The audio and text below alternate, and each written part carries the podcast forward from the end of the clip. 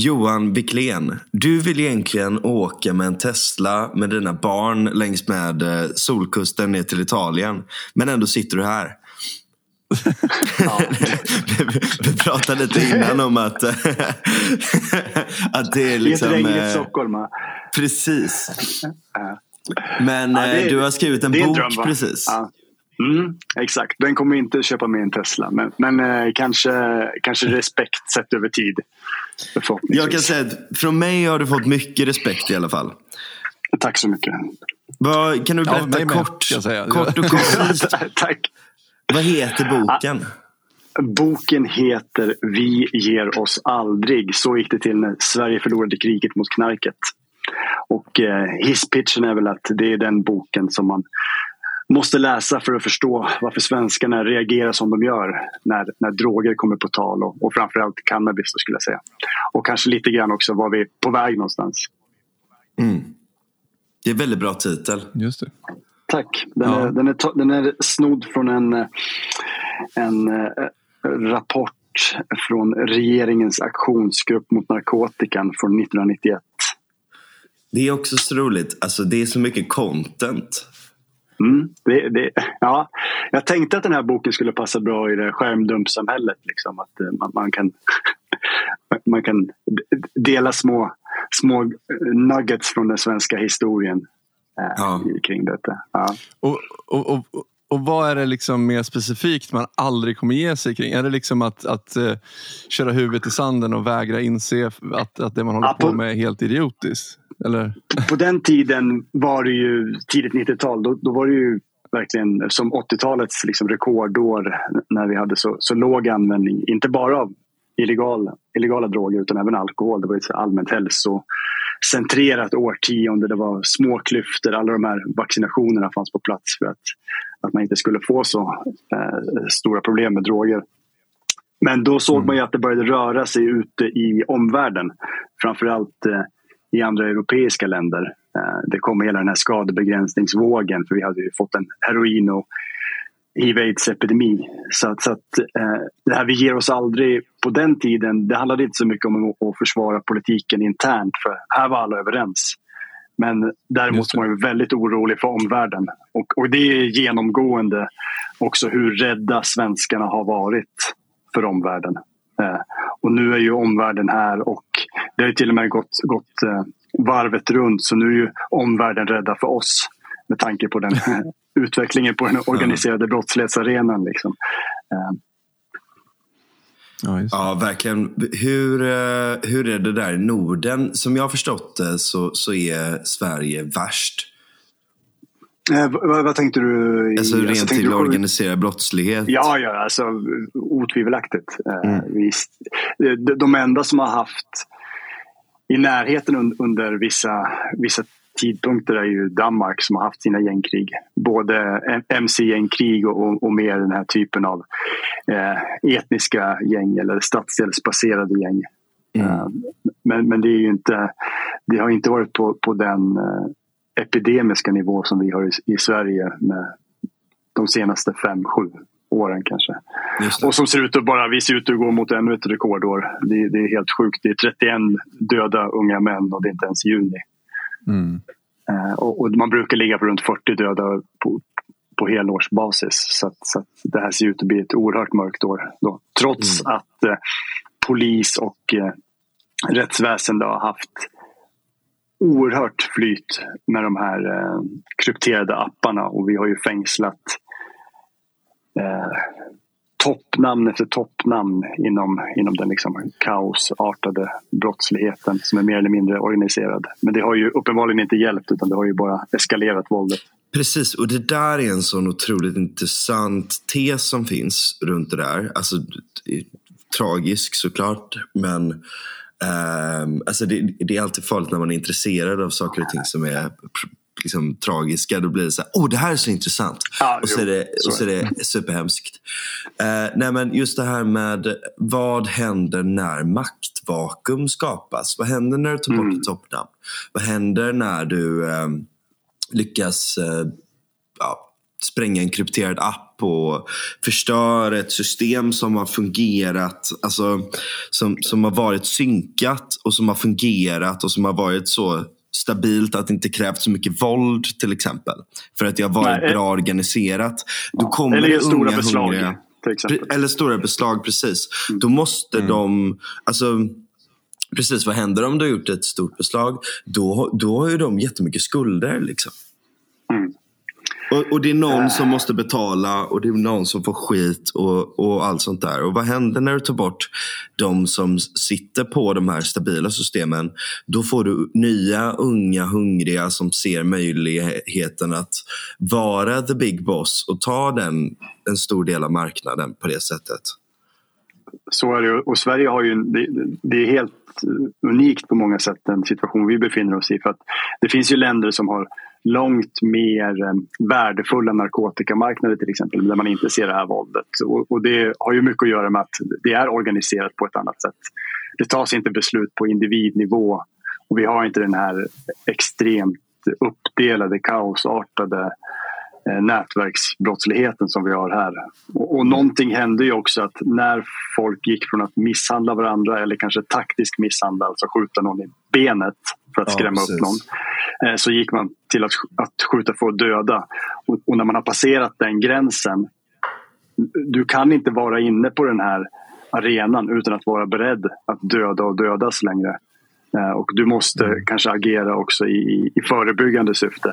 Så det här har ju eskalerat saken än tydligare. Och, och man ser också att inslag av tortyr eh, och sånt där blir, kidnappningar blir vanligare. Och jag har hela tiden dragit mig från att dra paralleller till, till Sydamerika för det, det är så unikt och det var redan genomkorrumperade korrup, korruperade och våldsamma samhällen innan eh, de stora narkotikamarknaderna eh, kom där med kokainet framförallt. Men det är ju tyvärr åt, åt det hållet vi går här, om än på en mindre skala. Och, och ja. Det är också väldigt obehagligt det här ordet som, man, som dyker upp allt oftare idag. Att det är, brottsligheten är systemhotande. Att man mm. använder vinsterna för att, för att ytterligare då eh, äta sig in i, i samhällskroppen. Och jag vet inte om Sverige det är så många faktorer. Det verkar som att Sverige, det här liksom godtrohetstjänstemannasamhället kanske är synnerligen dåligt rustat för att möta det här hotet.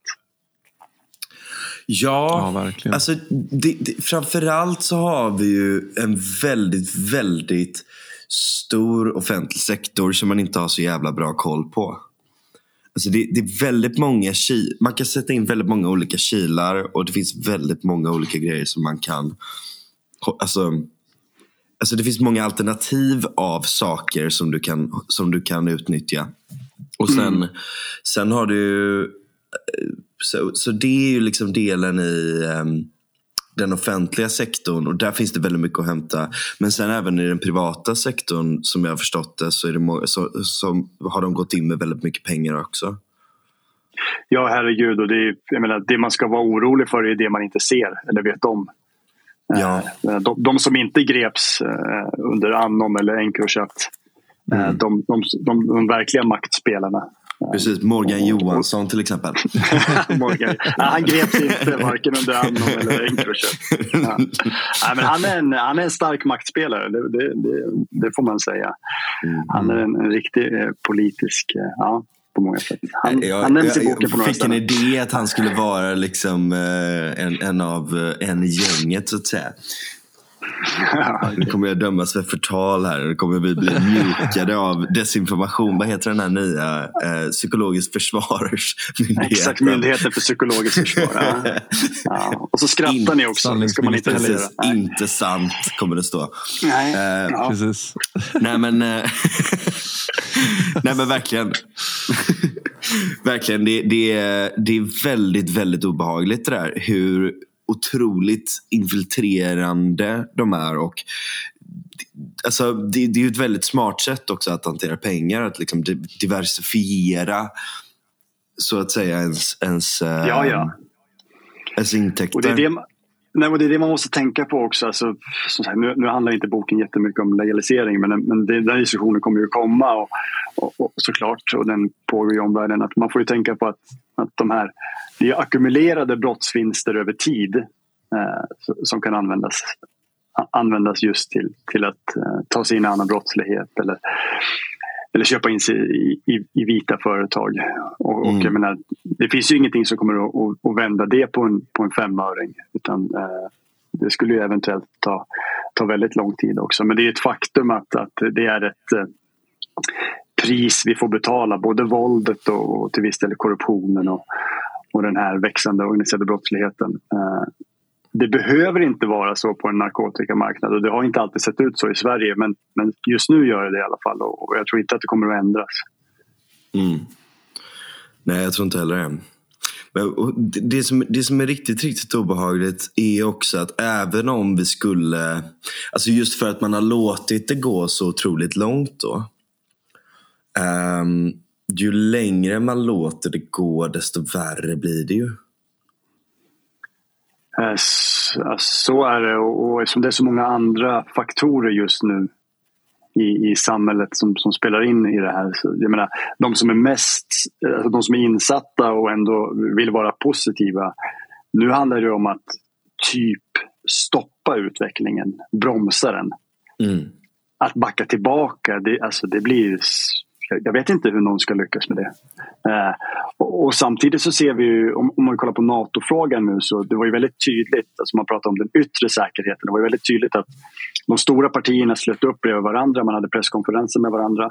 Men när vi pratar om den här inre säkerheten som egentligen dödar långt fler svenskar. Mm. Eh, så där är ju fortfarande ett, alltså politisk liksom, eh, eh, kukmätartävling just nu. Och det är inga gemensamma blocköverskridande presskonferenser eh, som vi ser där. Och det, det, jag vet inte, det kanske är det som hade behövts. Mm. Ja.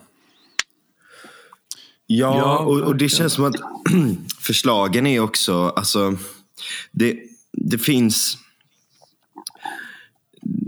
det, det, finns en, en, en, politisk teori. Jag, jag, säger inte att det här är så de resonerar.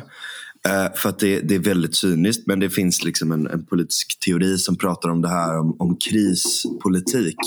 Jag läste en väldigt bra artikel om det igår. Vilket är anledningen varför jag får upp det i huvudet. Sådär. Just att, att ständigt ha en kris ger större legitimitet till politikerna att kunna vara de som kommer in och räddar. Eh, och, och, och, mm. att de verkligen, verkligen behövs. Liksom. Alltså eh, Leviathan, eh, Hobbes, liksom. att den, den behöver den här, alltså de här ständiga olika kriserna hela tiden för att visa var, varför den verkligen, verkligen behövs. Eh, ibland så kan det kännas som att till exempel kriget mot droger är lite av en sån. Um, Alltså, Hur då menar du? Alltså, att, ja, alltså, det, att, det leder att, till väldigt mycket problem? Krig, kriget mot droger är, en bekväm, är ett bekvämt krig för politiker. För att mm. det, det drabbar utsatta i samhället. Uh, det drabbar inte nödvändigtvis medelklassen lika mycket. Nu har det börjat göra det. liksom. Um, och Ehm, och det är en, en, en, kris som man ständigt kan visa att så här, kolla, här behövs jag som politiker. Liksom. Ja, samtidigt som man på något sätt också är del i att skapa själva problemet. Så, så blir det en perfekt spiral av att eh, skapa ett problem som man själv kan lösa sen. Mm. Typ. Är det så du menar?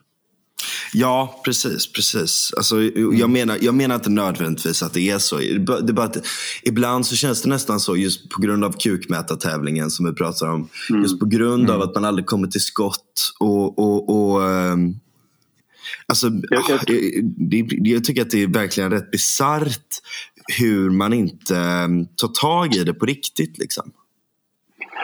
Jag tror kanske inte att det är så när det kommer till den organiserade brottsligheten alltså överlag att man tänker att man vill på något sätt låta den hållas för att man vill nej, vara nej. behövd. Men, men däremot när det kommer till, till narkotikan så är det ju definitivt så, och jag skriver lite om det i boken också, att, att eh, alltså narkotikan är ju en så kallad god fiende. Det, det är en, det, det, är, det är ett intresse eller det är någonting som inte har backning av varken eh, majoriteten eller, eller stora ekonomiska intressen. Så det, det, är en mm. fiende som man kan attackera då i en ständigt pågående kamp. Och för polisens skull så är det ju ibland bra att ha en fiende som är, som är odödlig. För då kan man hela mm. tiden utropa segrar i, i slagen men man kan aldrig eh, vinna kriget. Man behöver inte vinna kriget heller utan man kan Precis. hela tiden varna för den här fienden som, som blir allt eh, mäktigare och farligare och, och eh, det är någonting också som inte har diskuterats i Sverige någonting och det är de här kontrollkostnaderna eh, för förbudet. För man kan ju tycka att, att vi ska ha ett förbud men man måste samtidigt då vara ärlig med att, att det kostar och, och förutom då den här eh, hypervåldsamma eh, gängkriminaliteten och även stigmatisering av, av narkotikabrukare och människor med missbruksproblem så handlar det också om att eh, men det handlar ju om att polisen kan få igenom tvångsmedel som man som en demokrati kanske egentligen inte tycker är så jävla mysiga. Det kan mm. handla om, om avlyssning, alla sådana här saker i då namnet för att bekämpa narkotikan. Eh, mm. Så, så att det, det, är Precis. klart att, att det finns massa sådana såna saker och det här är ju kriget mot, mot knarket ett, ett, ett väldigt bra exempel. Och, och eh, och det är lite min tes att vi är på väg in i en eskalering av ett krig mot knarket i Sverige. Ehm, alltså vi har ju den svenska narkotikapolitiken traditionellt och den restriktiva repressiva eller vad vi kallar Den har ju förlorat på ett sätt. Det här. Även om vi pratar om ett narkotikafritt samhälle så idag är de flesta experter, politiker, eh, överens. Man pratar på ett annat sätt om sprutbyten, om, om metadonbehandling, all, all den här typen av vårdinsatser. Det ska vara någonting som ska finnas i Sverige. Eh, till skillnad från 10, 15, 20 år sedan när det kunde vara oerhört politiserat. Mm. Eh, däremot på, på kontrollpolitikens område så är vi på väg mot, nästan mot en eskalering. Jag menar, I den här stora gäng, gängutredningen så fanns det till och med ett förslag nu att, att kriminalisera försök till innehav för eget bruk. Ja, just det. Men det har de ju gjort i ehm, alltså Göteborg så så, gjorde, så började polisen ringa. Alltså, de, de tog liksom telefonregister tror jag och, och, mm. och ringde upp. Uh, eller, och, och, och, tog folk i efterhand på grund av det. Mm. Ja, att de, då måste de ändå ha erkänt på något sätt. Eh, och det gjorde de väl för att det var väl inga förhärdade brottslingar. Det var människor som hade köpt, köpt droger. Va? Mm. Och det var den här eh, kokainhärvan. Precis, och, och den här, det här nya förslaget nu, om det kommer att gå igenom, det handlar mycket om, om beställningar via Darknet till exempel. Och du ska inte behöva ha fått varorna till dig utan det ska räcka att du gör en beställning, alltså ett försök. Mm. Uh, men det var ju lite kul för man kunde se remissvaren på det här. Och till exempel Folkhälsomyndigheten då var ett väldigt bitskt eh, svar på kanslisvenska men det man sa mellan raderna var att men för i helvete, vi har inte ens utrett hur lagen om kriminalisering av det egna bruket har fungerat och den har 30 mm. år på nacken. Och nu vill ja. ni komma med det här. Snälla, tänk om. Det var, det var min översättning av, av deras eh, då lite, lite finare remissvarssvenska. Eh, mm. Ja. Det är faktiskt, jag tycker det, nu, går, nu går du igång. Jag tycker... Nej men, så här. Jag, jag tycker faktiskt att det är ett hån. Alltså, det finns några frågor som verkligen tar tempen på hur vår institutionella miljö mår. Och det är till exempel, ja, vi har pratat om tobaksfrågan innan. Det, det, är en sån fråga som får en att tänka, nej men det här är ju, det, ingen har koll.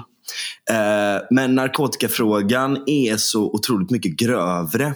Mm. Eh, det finns några andra frågor också såklart. Sådär. Eh, men alltså att det är så otroligt inkompetent och att man är så otroligt ignorant.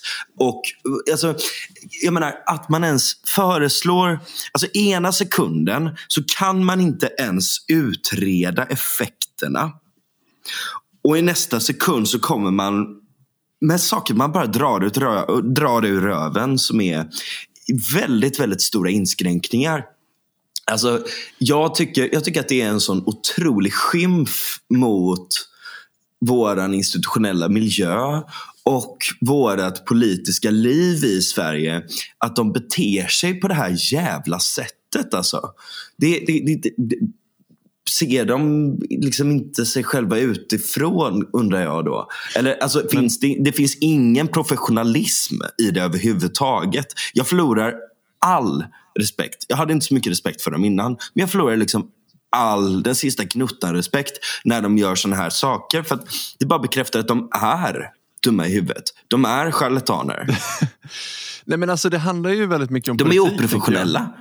Ja, alltså, men det handlar ju väldigt mycket om politik. Det finns ju inte... Alltså, narkotikafrågan måste ju vara den frågan eh, där folket eh, är bekväma i att inte vilja veta, inte alltså stänga av och tycka att det här är för obehagligt att ens ta i. Så att det är skönt om politikerna tar hand om det här och jag litar på dem vad de gör.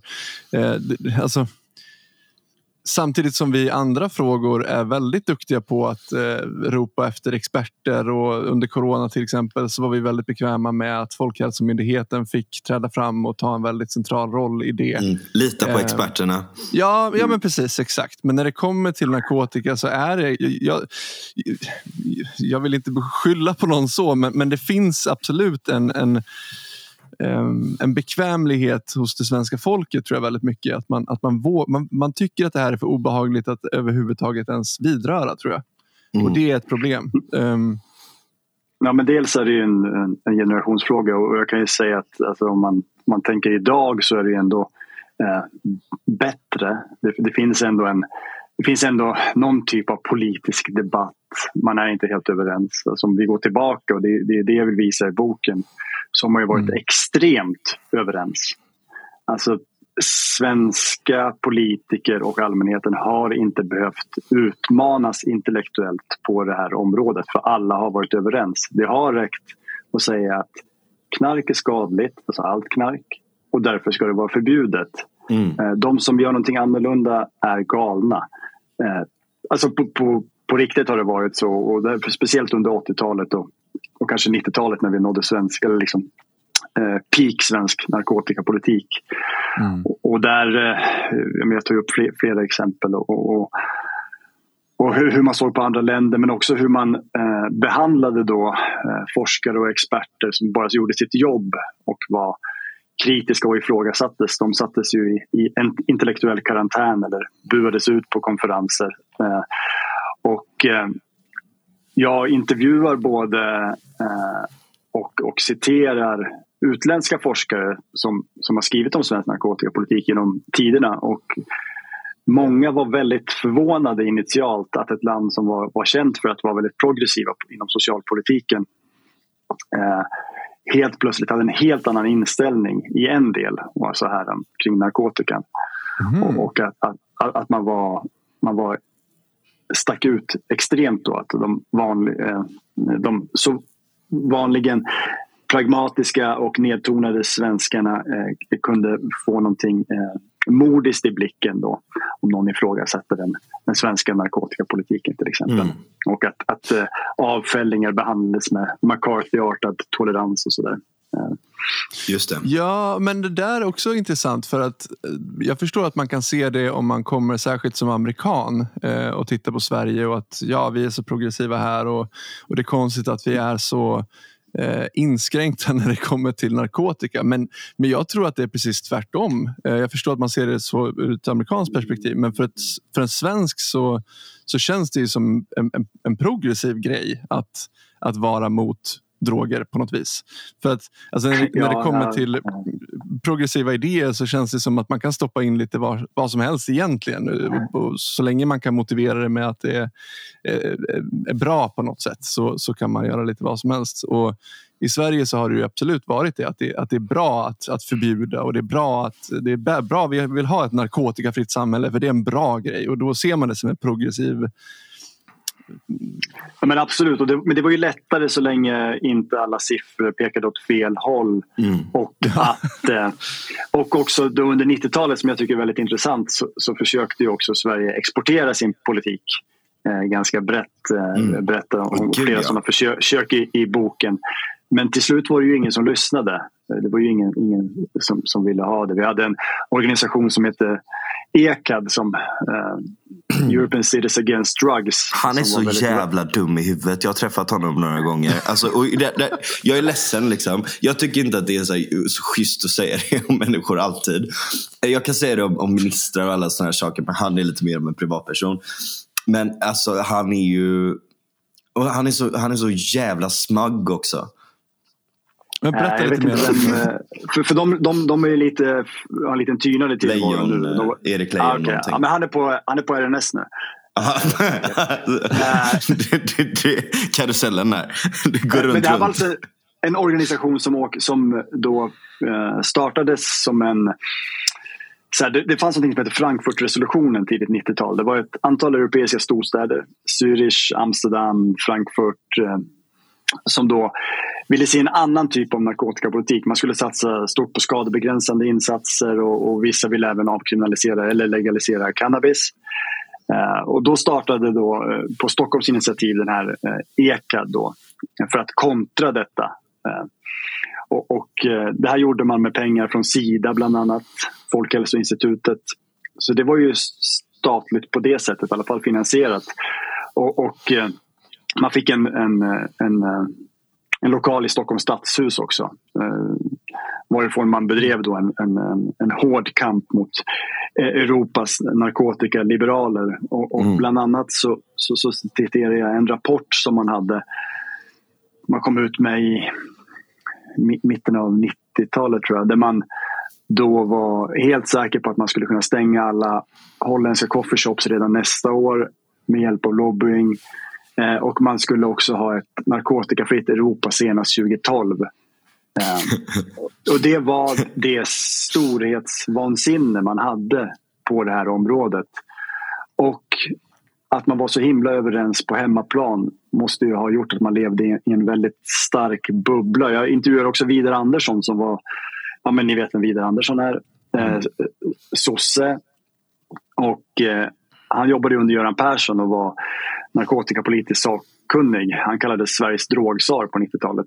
Mm. Eh, och, och, han har ju vänt, vänt nu. Det är ingen som har intervjuat honom men, men jag har ett helt kapitel där. Och han, han pratar om hur de när de mötte till exempel holländare då, i mitten av 90-talet. Att de bara, svenskarna stod bara och stammade och sa att ni har fel. Medan varenda holländare kunde argumentera för grunden för sin politik, vad som är fördelar, vad som är nackdelar, vad som kanske måste ändras framöver och så vidare. och så vidare. Mm. Men svenskarna hade liksom inte tränat på att, att prata om det här. Mm. Och, och, hemma räckte det ju att ha konferenser där alla var överens och säga att, att knark är jättedåligt. Så bjuder man in rätt personer. Men det funkade ju inte utomlands. Så det var ju då han började ändå så här. Okej, okay, jag ser att de här är inget inga skurkar. De bryr sig också. De satsar pengar på vård. Aha, mm. De tänker bara annorlunda. Okay. Ja, så det var där han började sin om, omvändelse. Då. Mm. Gud vad intressant. Ja, så att det, det, ja, så det, det, det, finns... Det är det som jag också ville få fram i boken. Att, att man behöver inte ens vara intresserad av, av, droger, även om det kanske hjälper, för att läsa den här boken. Utan det handlar också om Sverige och svenskar.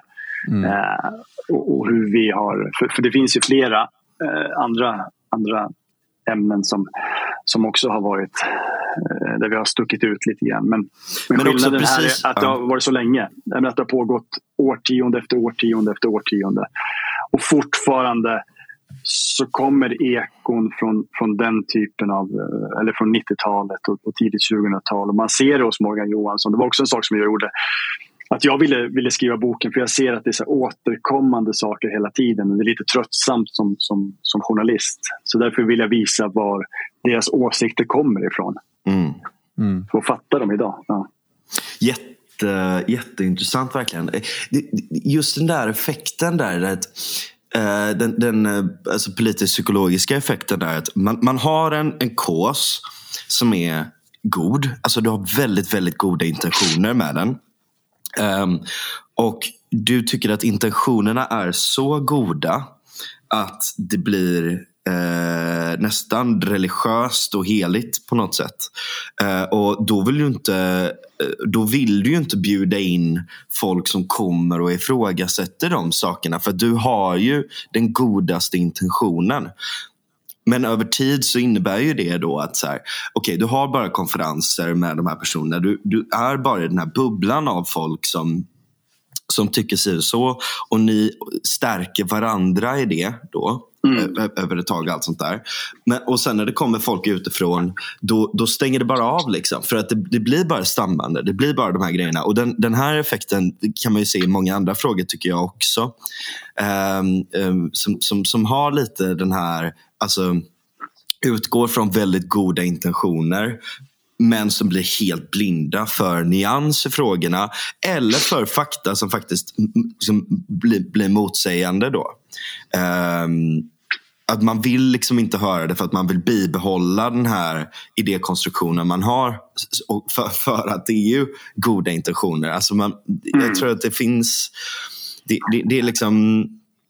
Det, det, är någonting i oss, tror jag, som, som uh, uh, alltså no, någon konfiguration nästan i hjärnan som, som är väldigt, väldigt öppen för, eller som är väldigt mottaglig för den psykologiska effekten hos många. Men det tror jag definitivt. Och sen när man kombinerar det med att många har lagt ner stora delar av, av sitt, sitt liv på, mm. på att, att eh, eller man har, man har investerat väldigt mycket i, i den här typen av, av tänkandet. Mm. Uh, och, och det finns väldigt många som in, inte kommer att backa. Uh, det, det, är uppenbart. Precis, precis. Och så sen, sen kan man ju alltid liksom Alltså det blir ju nästan religiöst och det blir gott mot ont och det blir liksom alla de här klassiska arketyperna nästan.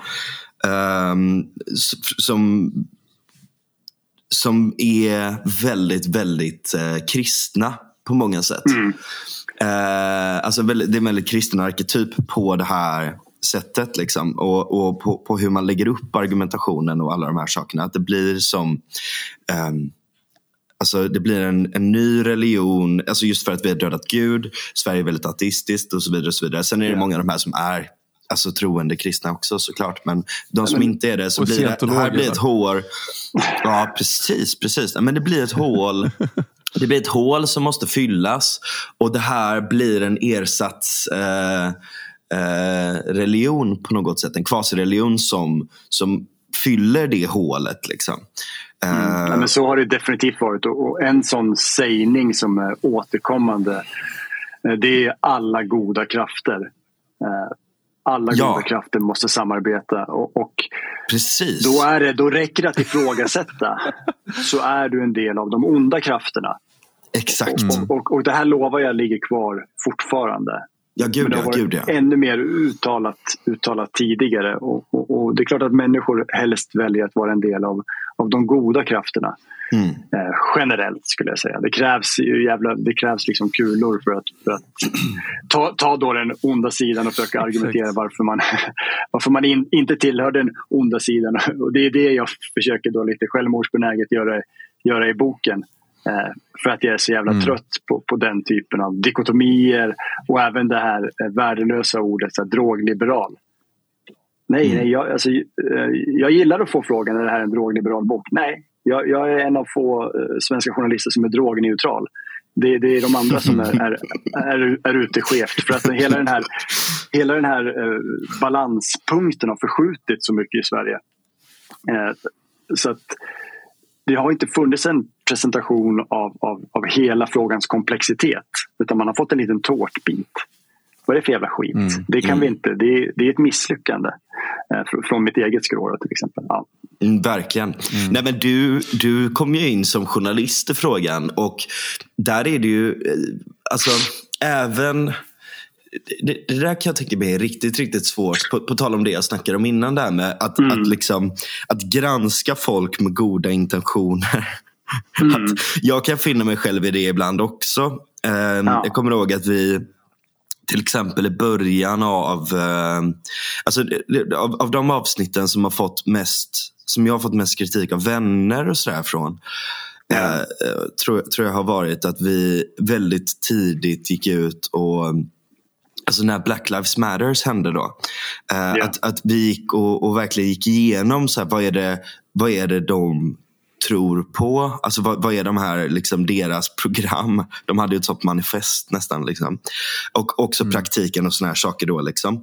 Och, och, och, att liksom gå igenom det. Vad är liksom, alltså, bortsett från den här goda intentionen, bortsett från um, liksom, um, sla, slagordet, liksom, den här sloganen mm. och sånt där. Liksom. Vad är det egentligen? Det är väldigt, väldigt otacksamt att, att, att göra det. Um, för, för att det blir liksom att ett, ett ifrågasättande av, som du säger, de goda krafterna. Och här är ju liksom, i, i Sverige mm. så är ju den här frågan helig uh, på ett annat sätt. Men samtidigt så kan man säga att liksom, om, det, det, det, är ju liksom för att koppla ihop dem eh, ytterligare då.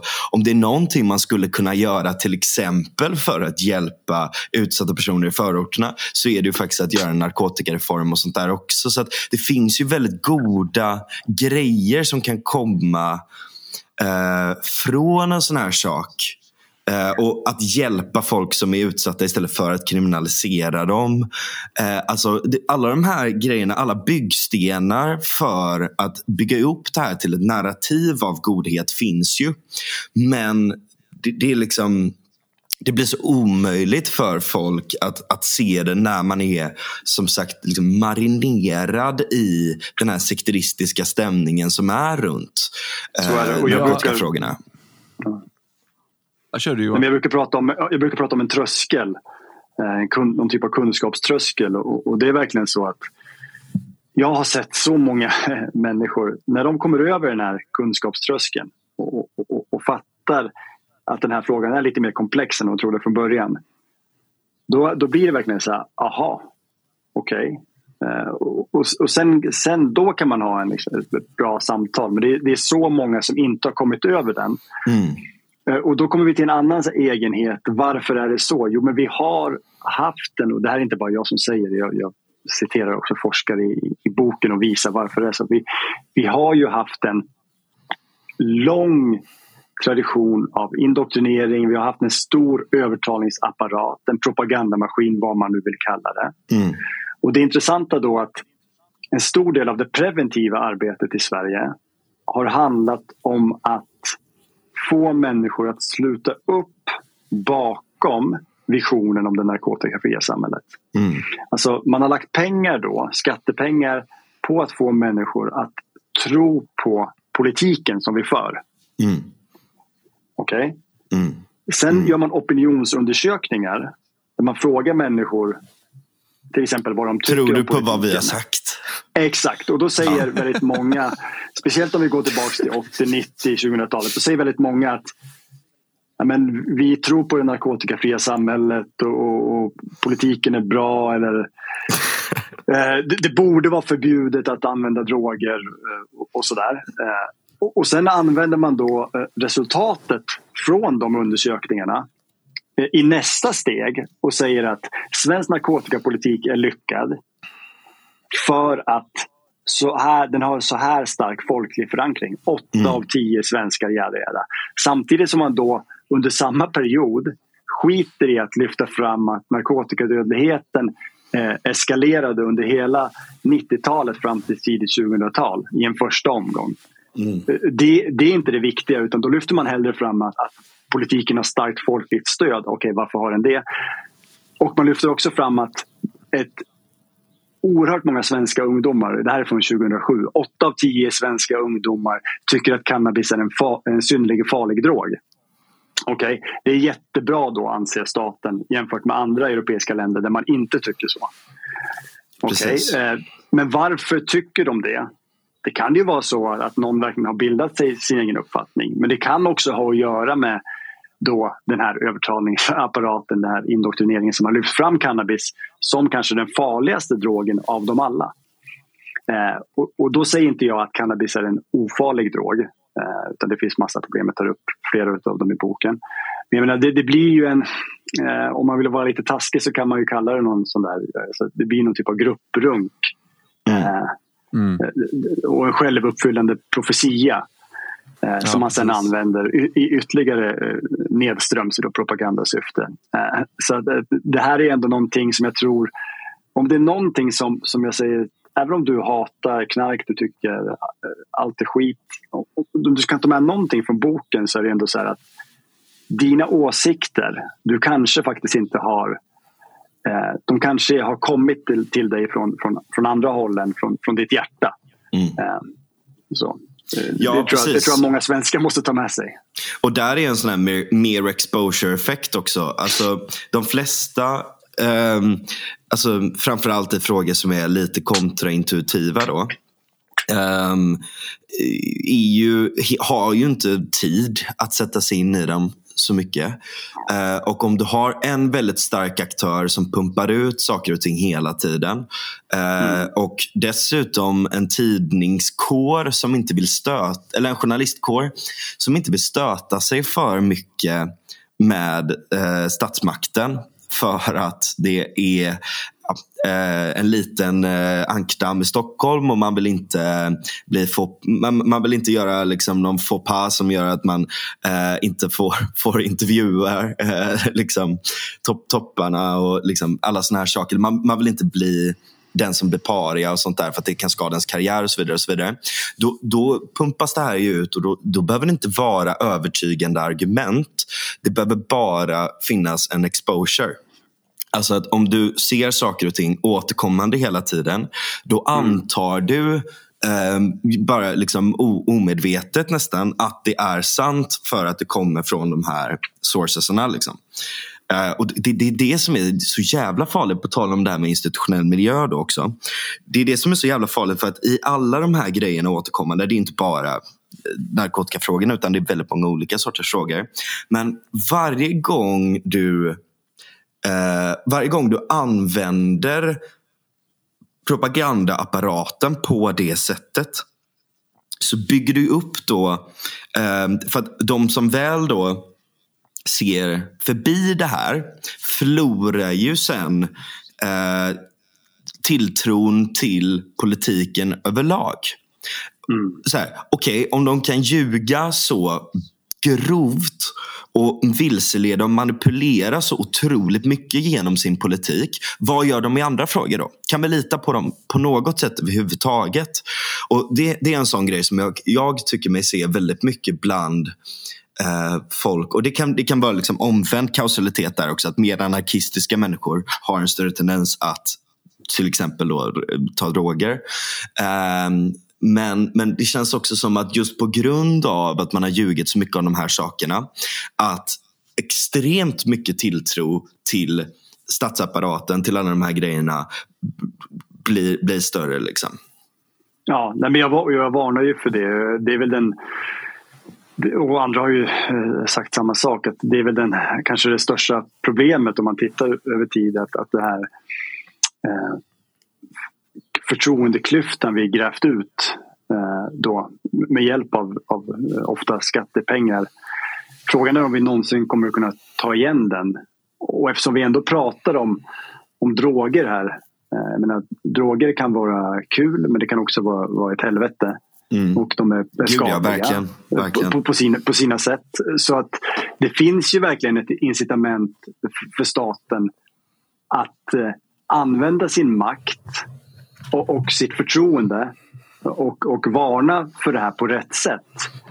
Eh, och, och, och, det var ju det var därför jag hade också ett kapitel där jag jämför Sverige och Holland förutom att det finns ett, ett, ett intressant historiskt där under 90-talet att det var sånt jävla upp, uppskruvat eh, klimat på många sätt. Men, men Holland, eh, där var, det var ju på många sätt tvärtom. Man, man eh, man bestämde sig tidigt för att acceptera drogerna. Det var någonting som tillhörde ett modernt samhälle.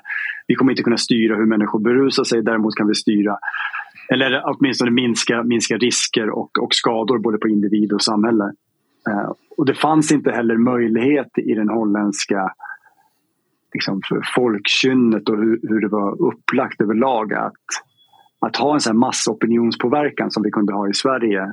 I Sverige mm. så, nu har ju mycket hänt men folk måste tänka på hur det var i Sverige så 60, 70, 80-tal. Att svenskarna var väldigt, väldigt, och är det nog fortfarande, men än mer då, godtrogna inför budskap uppifrån. Och man, eh, vi hade verkligen en statsapparat som, som kunde styra eh, och en befolkning som, som lät sig styras. Mm. Det var verkligen Leviathan där kan man, kan man ju lugnt säga. Ja, och, och det funkade väl ett, ett tag för att vi var ju ändå, det var ju ändå trygg verkstad här uppe. Eh, till slutet av 80-talet. Innan vi fick TV3 och, eh, och, eh, och gick med i EU. Mm. Eh, mm. Medan Holland är ett land på någonstans nere på, på kontinenten med, som alltid hade haft stort utbyte med, med stora delar av världen. De kunde liksom inte stänga sina gränser varken fysiskt eller psykiskt. Så det var en Precis. intressant skillnad där. Verkligen. Och mm. den, den holländska traditionen, alltså den holländska idétraditionen och sådär också. Jag menar, man får inte glömma att eh, det, alltså den holländska mentaliteten och, och, och den holländska Alltså det, det, är ju inte bara ett resultat av att de har varit, alltså att det är liksom bland annat eh, kapitalismen eh, mm. och, och liksom det fria samhällets födelse. Liksom. Eh, mm. också. Alltså, det, det, det, är ju på något sätt ja, där, alltså. och, eller runt den engelska kanalen som, som, mm.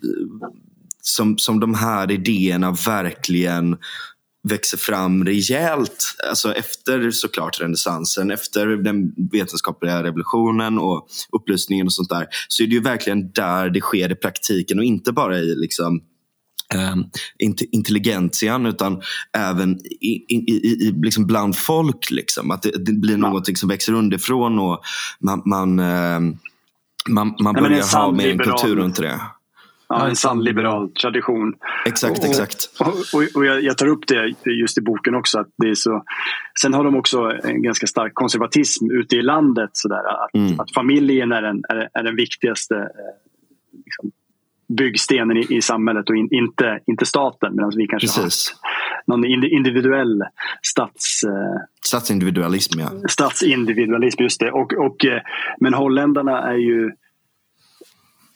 Och jag, jag drar den parallellen i det, i det kapitlet att för holländarna måste det ha varit mindblowing att partiledaren för det liberala partiet, som på den tiden kallades Folkpartiet, då Bengt Westerberg inte bara mm. ville förbjuda människor från att använda droger utan också blev den som införde fängelsestraff i sex månader på straffskalan för det. Det, det, det, det säger mm. någonting om, om skillnaden mellan de här två, två länderna. Mm. Verkligen. Ja, men så, så är det ju som sagt med, med eh, många frågor också där man tycker att, att progressiva människor borde ha en, en viss åsikt. Men så, så alltså, progressivitet kan man ju ha åt alla håll i alla frågor känns det verkligen som. Eh, sexköpslagen är också en sån ja, det är nog, sak. Det handlar om att framea det bara. Mm, mm. Ja, precis. Sexköpslagen är också en sån sak där eh, tyska ja, feminister ja, skiljer sig väldigt mycket mot svenska feminister när det begav sig. Liksom, och där Sverige anser att, att man är, det är vi som är moderna. Eh, mm. Ja, vi har ingen aning om hur det ser ut nere i, på kontinenten Nej. överhuvudtaget. Så. Nej. Nej. Och där är samma sak med, som vi gjorde med drogerna på 90-talet. Att, att sexköpslagen ska ju exporteras. Eh, det, det, det, är en sak som vi jobbar hårt ja. för diplomatiskt. Ja. ja. det svenska diplomatiska skrået och, och mm. när, alltså självgodhetens mecka på något sätt. ja, men det är så. P.O. Enquist eh, i sin självbiografi så tar han upp när han var i USA på 60-talet och så säger han någonting till, till någon amerikan. Det är någon sån protest eh, kring, kring någon rättighetsprotest och, och den här amerikanen är så jävla förbannad på svenskarna och, och, och svär och, och, och, säger att vi är det enda landet med ett, med ett rörligt samvete. Och det, det är verkligen eh, så vi har jobbat här i Sverige. Mm. Jag tänker även en, en, en till grej också som, som är viktig att tänka på. Det är ju liksom arvet från Myrdal till exempel och det här med liksom social ingenjörskonst. Och, eller alltså egentligen också kan man ju säga, alltså det, det är ju ett arv äh, även, även tillbaka till, till liksom raslära och rasinstitut. Alltså liksom hela den här biten att Sverige har ju ganska länge haft den här idén om Alltså att, att, att, äh, att folk, alltså hur man ska styra folket till att bli goda medborgare. Mm. och först, var det, först var det genom rashygien. Sen blev det genom hård social ingenjörskonst när man blev liksom lite mer så här Lukasjenko, eller vad heter han, Lymosjenko. Nej, sån, du vet att um, men liksom, man gick mer in på, på att allting är sociala konstruktioner. Bara sådär. Och, och då började man bli liksom jävligt hård där med, med, med liksom att man skulle uppläxa folk. och man, man, skulle skapa den goda medborgaren, den goda Sådär. Um, och det har ju fortsatt väldigt mycket, fast i lightare versioner. Men, men liksom, idén om att fostra folket uh, finns kvar. Och På vissa sätt tycker jag att den, det, det, är inte dåligt nödvändigtvis. Alltså, det finns många saker och ting som kommer jo. som är bra för det. Ja, nej, men, och Det kan vara det till exempel då, nej, men låt mig, så här. Oh. Alltså, typ att ha bra utbildning att ha möjlighet till liksom folkhögskolor och folkbildning. Att ha liksom de här sakerna. I sin grund så finns det en del av de här sakerna som är bra. Men återigen måste... då, en god intention slår lätt över i att bli extremistisk. Liksom. Um, och, och, och, Det är väldigt mycket det som, som Sverige har varit. Liksom, att Vi har varit extremistiska i, i mjuka världen på något sätt. Liksom. Och, eh, Nej, så här, problemet med Sverige väldigt mycket det är att vi kan inte skilja på vad som är rätt och fel och vad som är bra och dåligt. Vi är helt upptagna med vad som är bra och är dåligt och det kan leda vart fan som helst. Till och med att vi till och med glömmer bort vad som är rätt och fel. Mm. Så att, till exempel, vi kan motivera vad som helst. Som allt från liksom, eh, dagens narkotikapolitik till tvångssterilisering för att det, det görs i det godas namn på något vis. Vi skiter i vad som är rätt och fel för det är bara metafysiskt mumbo jumbo som ingen vet någonting om. Utan vi vet bara vad som är bra och dåligt. Och det som är bra det ska vi göra och det som är dåligt det ska vi förbjuda. Så enkelt är det i Sverige. Ja, det är, och, det är därför det, och det är därför det är farligt att hamna i den tanken. Jo men det är ju bra, det kan ju vara en bra sak. Ja, men det är inte det viktigaste vad som är bra och vad som är dåligt. För det kan vi diskutera, det kan vi ha olika åsikter om. Och vanligtvis så, så klarar människor av att, att uh, hantera vad som är bra och, och, dåligt i sina egna liv. Det vi mm. måste prata om det är vad som är rätt och fel att göra. Alltså... Precis, vi, vi borde göra så här, vi, som de här teskedsorden. Vi, vi borde liksom göra en sån här förening som, som, som tar massa pengar från gravplundrarna över på arvs, uh, Allmänna arvsfonden och skicka ut ett exemplar av Beyond Good and Evil av Nietzsche till alla skolungdomar. de kollar bara på rörlig bild idag. Ja, just det. Just det. Fan, man, vi gör, Skolan liksom, är i, i kaos. TikTok TikTok, ja, har jag hört. Det, det, de är många, många som håller på med det. vi får göra en TikTok-serie om Nietzsche som, som vi sponsrar ut till alla skolungdomar. Och, och där har ju mycket handlat om, in, in i narkotikapolitiken så har ju mycket när man har pressat då kanske och, och frågat men varför behövs det en kriminalisering? De flesta får ju inte problem och, och sådär. Man, man, man, pressar på lite grann. Då är det så här, vi gör det i solidaritet med de som inte klarar av detta. Eh, just det, just det. Samtidigt som man då kanske inte har mätt ordentligt hur de som råkar mest illa ut hur riktigt jävla illa ut de, de råkar. Man har inte varit så intresserad av att, att mäta detta på något, på något kvantitativt eh, eller ens kvalitativt sätt. Mm. Eh, men man har hela tiden kunnat gå tillbaka på de här fina orden som solidaritet med, med de svagaste i samhället. Men det, det är de svagaste som har, som har dött Eh, så är det. Det är inte, det är inte en slump vilka som får grova eller grava narkotikaproblem. Visst, det kan drabba alla men det är företrädesvis människor med dubbla diagnoser, mm. trauman i bakgrunden och så vidare. och så vidare. Mm. Mm. Verkligen, verkligen. Och det där är liksom, det, det som det som det som blir så konstigt där är att man är inte så jävla duktig heller på kausalitet. Liksom.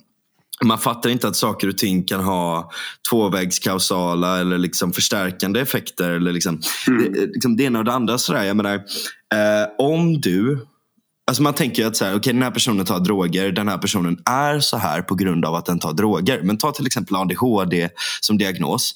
Väldigt överrepresenterat i, eh, eh, i droganvändning.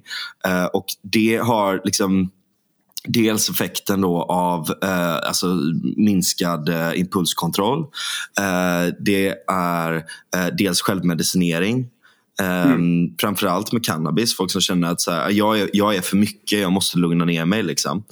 Um, och dels också uh, att man är mer riskbenägen och så vidare. Och så vidare. Alltså, du, har, du har massa olika grejer som går in och sen så kommer eh, cannabiset kan liksom förstärka vissa beteenden av det här eller den, den andra drogen kan förstärka vissa beteenden av det här och så vidare. Och så vidare. Eller depression till exempel också. Eh, också väldigt eh, liksom, samkorrelerat med en, en, en, del drogbruk och sånt där. Och sen, sen har vi dessutom då många som får utskrivet olika preparat eh, och som blir helt fast på det och så där också. Liksom. Så att, Eh, på grund av kanske, alltså du får utskrivet benzo och sen kan du inte sluta. Eh, eller till och med att du får utskrivet för, för smärta eller någonting och sen kan du inte sluta efter det och så vidare. Det är så många trillar dit. Alltså det, det finns många olika vägar dit och det finns många olika anledningar till varför folk gör det och sånt där också. Men det blir liksom helt blint till att Alltså på grund av, och det här är sån här enkel liksom, kausalfel, på grund av att eh, eh, drogerna existerar i sammanhanget och droger är dåligt så antar man att drogerna är den kausala effekten till varför den här personen mår dåligt. Och därför måste vi ta bort drogerna för då kommer det bli bra. Och, mm. och det, det, är så fundamentalt jävla fel att, att, att, resonera på det sättet som en jävla devis. Liksom. Alltså det är antiintellektuellt och jag förstår inte hur, hur det inte kommer liksom någon och bara säga det här är filosofi A nivå att kunna se kausalfelet här. Um, och, och, och, Det tycker jag är så liksom, tragiskt och fascinerande på något sätt. Och Det gör ju till exempel då i, i, i om man pratar om alltså, rehabiliteringssammanhang och såna här saker. Alltså först nu börjar man se över lite.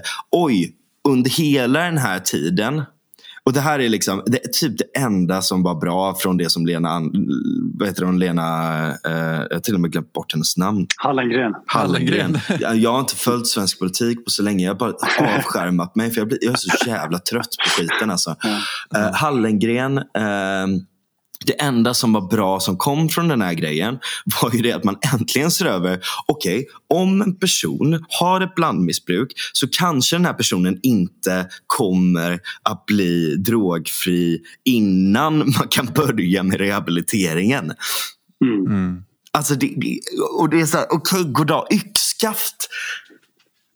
Alltså hur, hur, kan, hur kan det ha gått 30 år innan man, man, man, förstår en sån uppenbar sak. Alltså det, det, det är ju det är, ju, det är en masspsykos som någonting.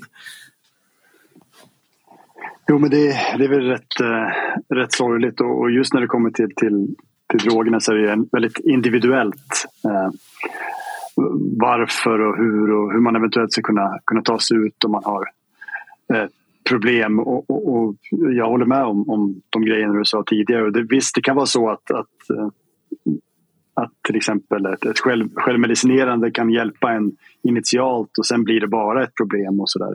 Men jag menar, det är ingenting som man kommer att kunna moralisera bort. Och det är inte en slump vilka som ens prövar. Till, till och med i Sverige så är det nog eh, mer så än i andra länder där det är mer normaliserat till exempel med cannabisbruk.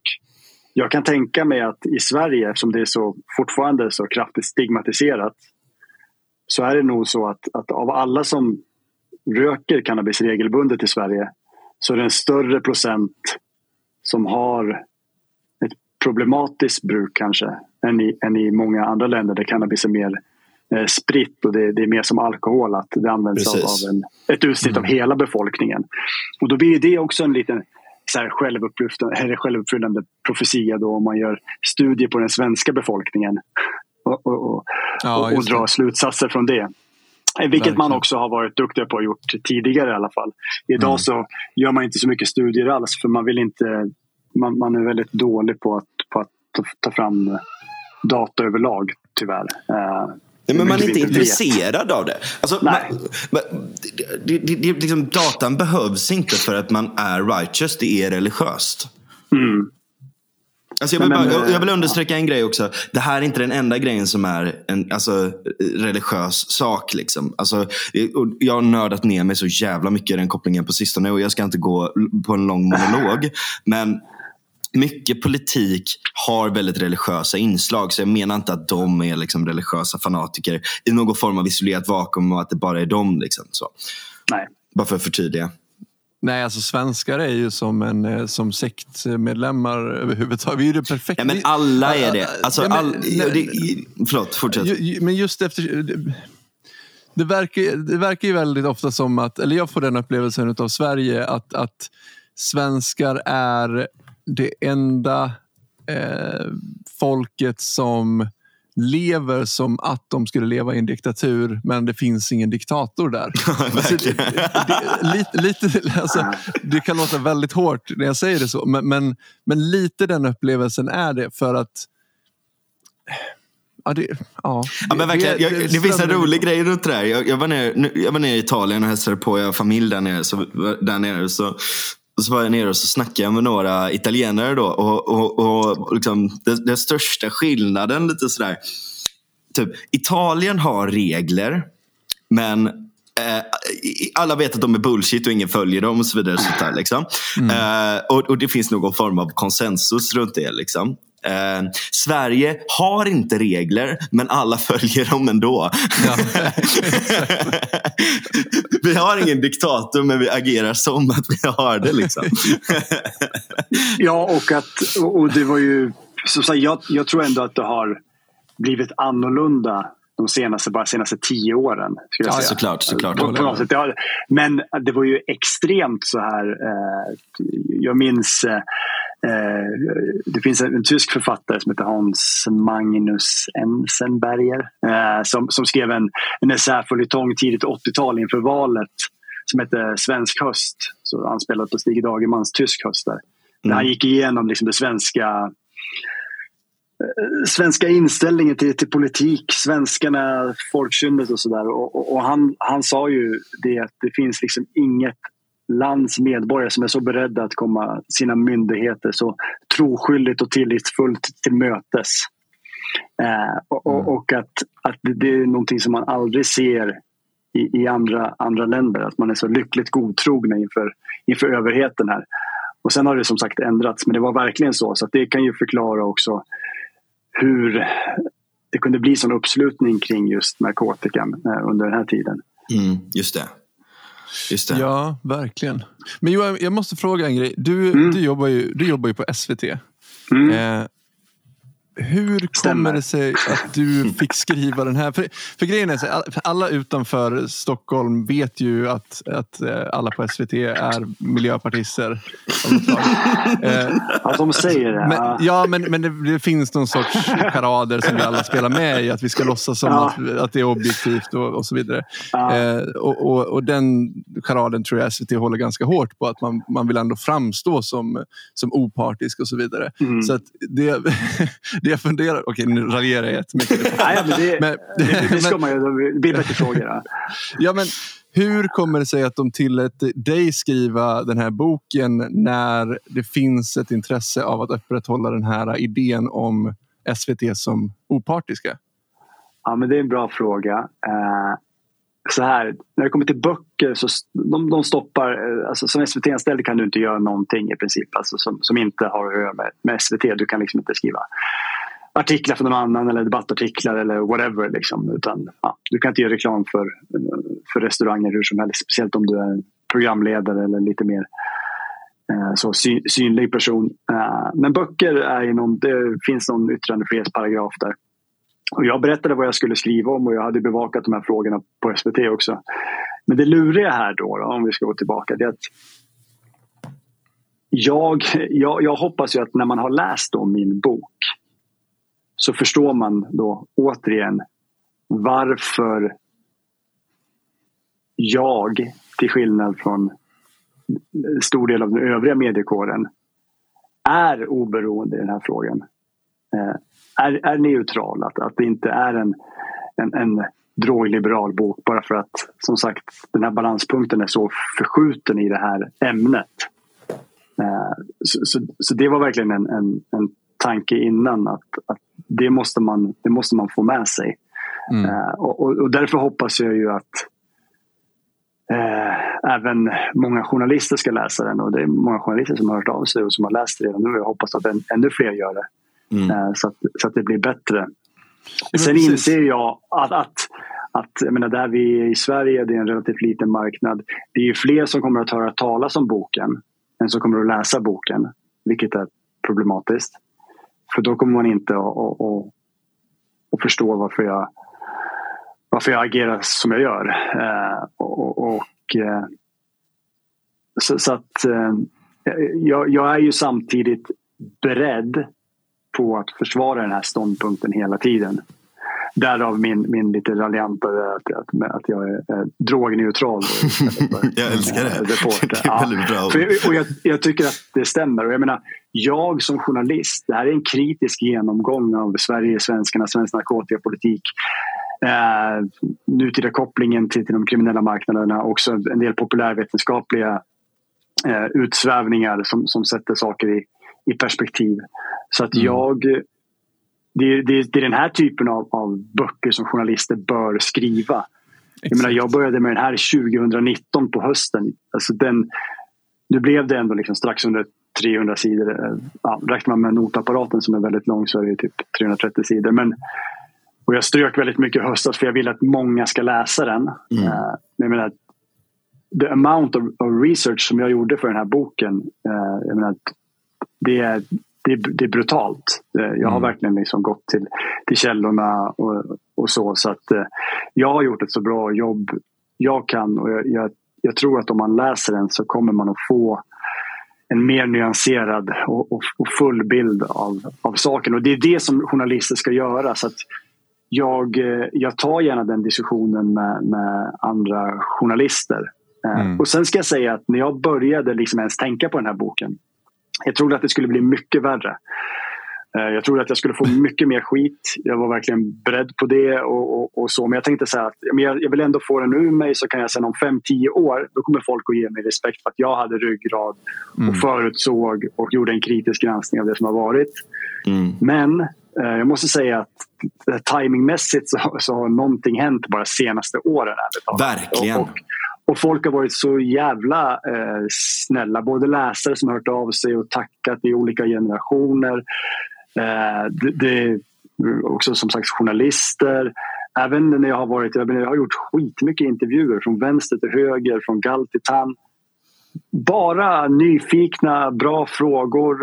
Eh, inte bara lätta frågor men, men alltså en, en, det, det, känns som att att folk nästan har väntat på den här boken. Det är bara det att mm. de, det krävs att någon gick före och, och riskerade eh, sitt namn och sin heder mm. för, att, eh, för att man skulle haka på. Det, det är ju då, det är bra på ett sätt.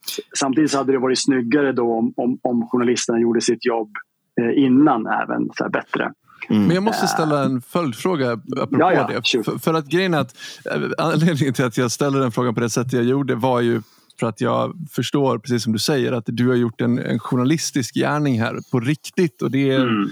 någonting jag upplever som relativt ovanligt i Sverige om jag får vara riktigt syrlig. Eh, och Tyvärr, jag håller med. Ja, och, och jag upplever SVT allt som oftast som ganska aktivistisk eh, men de själva ser sig själv som eh, objektiva och opartiska. Vilket innebär att de ser de som faktiskt är opartiska och objektiva som aktivistiska, vilket är helt bisarrt. Men det jag funderar på mm. det är om, för jag, precis som du säger så har jag också noterat en förändring de senaste åren när det kommer till just specifikt den här frågan. Och som jag sa tidigare, alltså just det här med, med, med progressiva eh, idéer, det kan man lägga in lite vad som helst. Eh, bara man motiverar det med vad som är gott och vad som är bra. Exakt. Så, och jag, jag har tänkt på det på SVT också, att, att det har blivit mer att man eh, det känns som att det börjar ske en förändring hos SVT också. Man har, man har liksom seriöst debatterat de här frågorna. Man hade ju med Anders Varveus för, för bara ett år sedan eh, till exempel mm. och debatterade mm. den här frågan. Um, Just det, eh, debatten med Romina var med också. Ja, exakt. Ja, precis. Romina ja, var skitbra i den debatten vill jag också säga. Superbra. Men... Och Damberg kommer in bara på länk. ja. och bara säger ah, så här är det och så drar han. ja, det var väldigt roligt. Vi, vi sågade sönder honom i podden om man vill gå tillbaka och lyssna på det. Men, men det jag vill komma till är att eh, tror du att vi för så här, jag tror inte att Sverige kommer ändras i, i vår progressivitet. Eh, så, utan den kulturen är nog väldigt eh, fast i Sverige. Vi ändrar bara håll. Eh, vart vi, vad vi vill göra med den här progressiviteten. Tror du att det ske, håller på att ske en förändring där? Att det, det nya progressiva i Sverige är att, att vara mindre inskränkt när det kommer till narkotikafrågan? Är det det nya svarta? 100 procent. 100 procent. Jag tror också det. Mm. Och, och det, här, det här är lite då irriterande då när man har då, eh, tidigare, för jag, menar, jag har ju granskat de här sakerna sedan åtminstone eh, 13-14 eller någonting. Så, och då, mm. fick man ingen grat, då fick man ingen gratispoäng.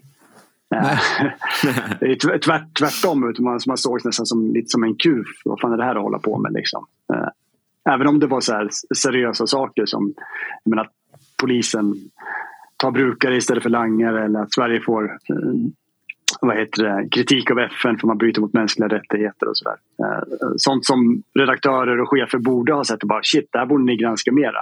Mm, eh.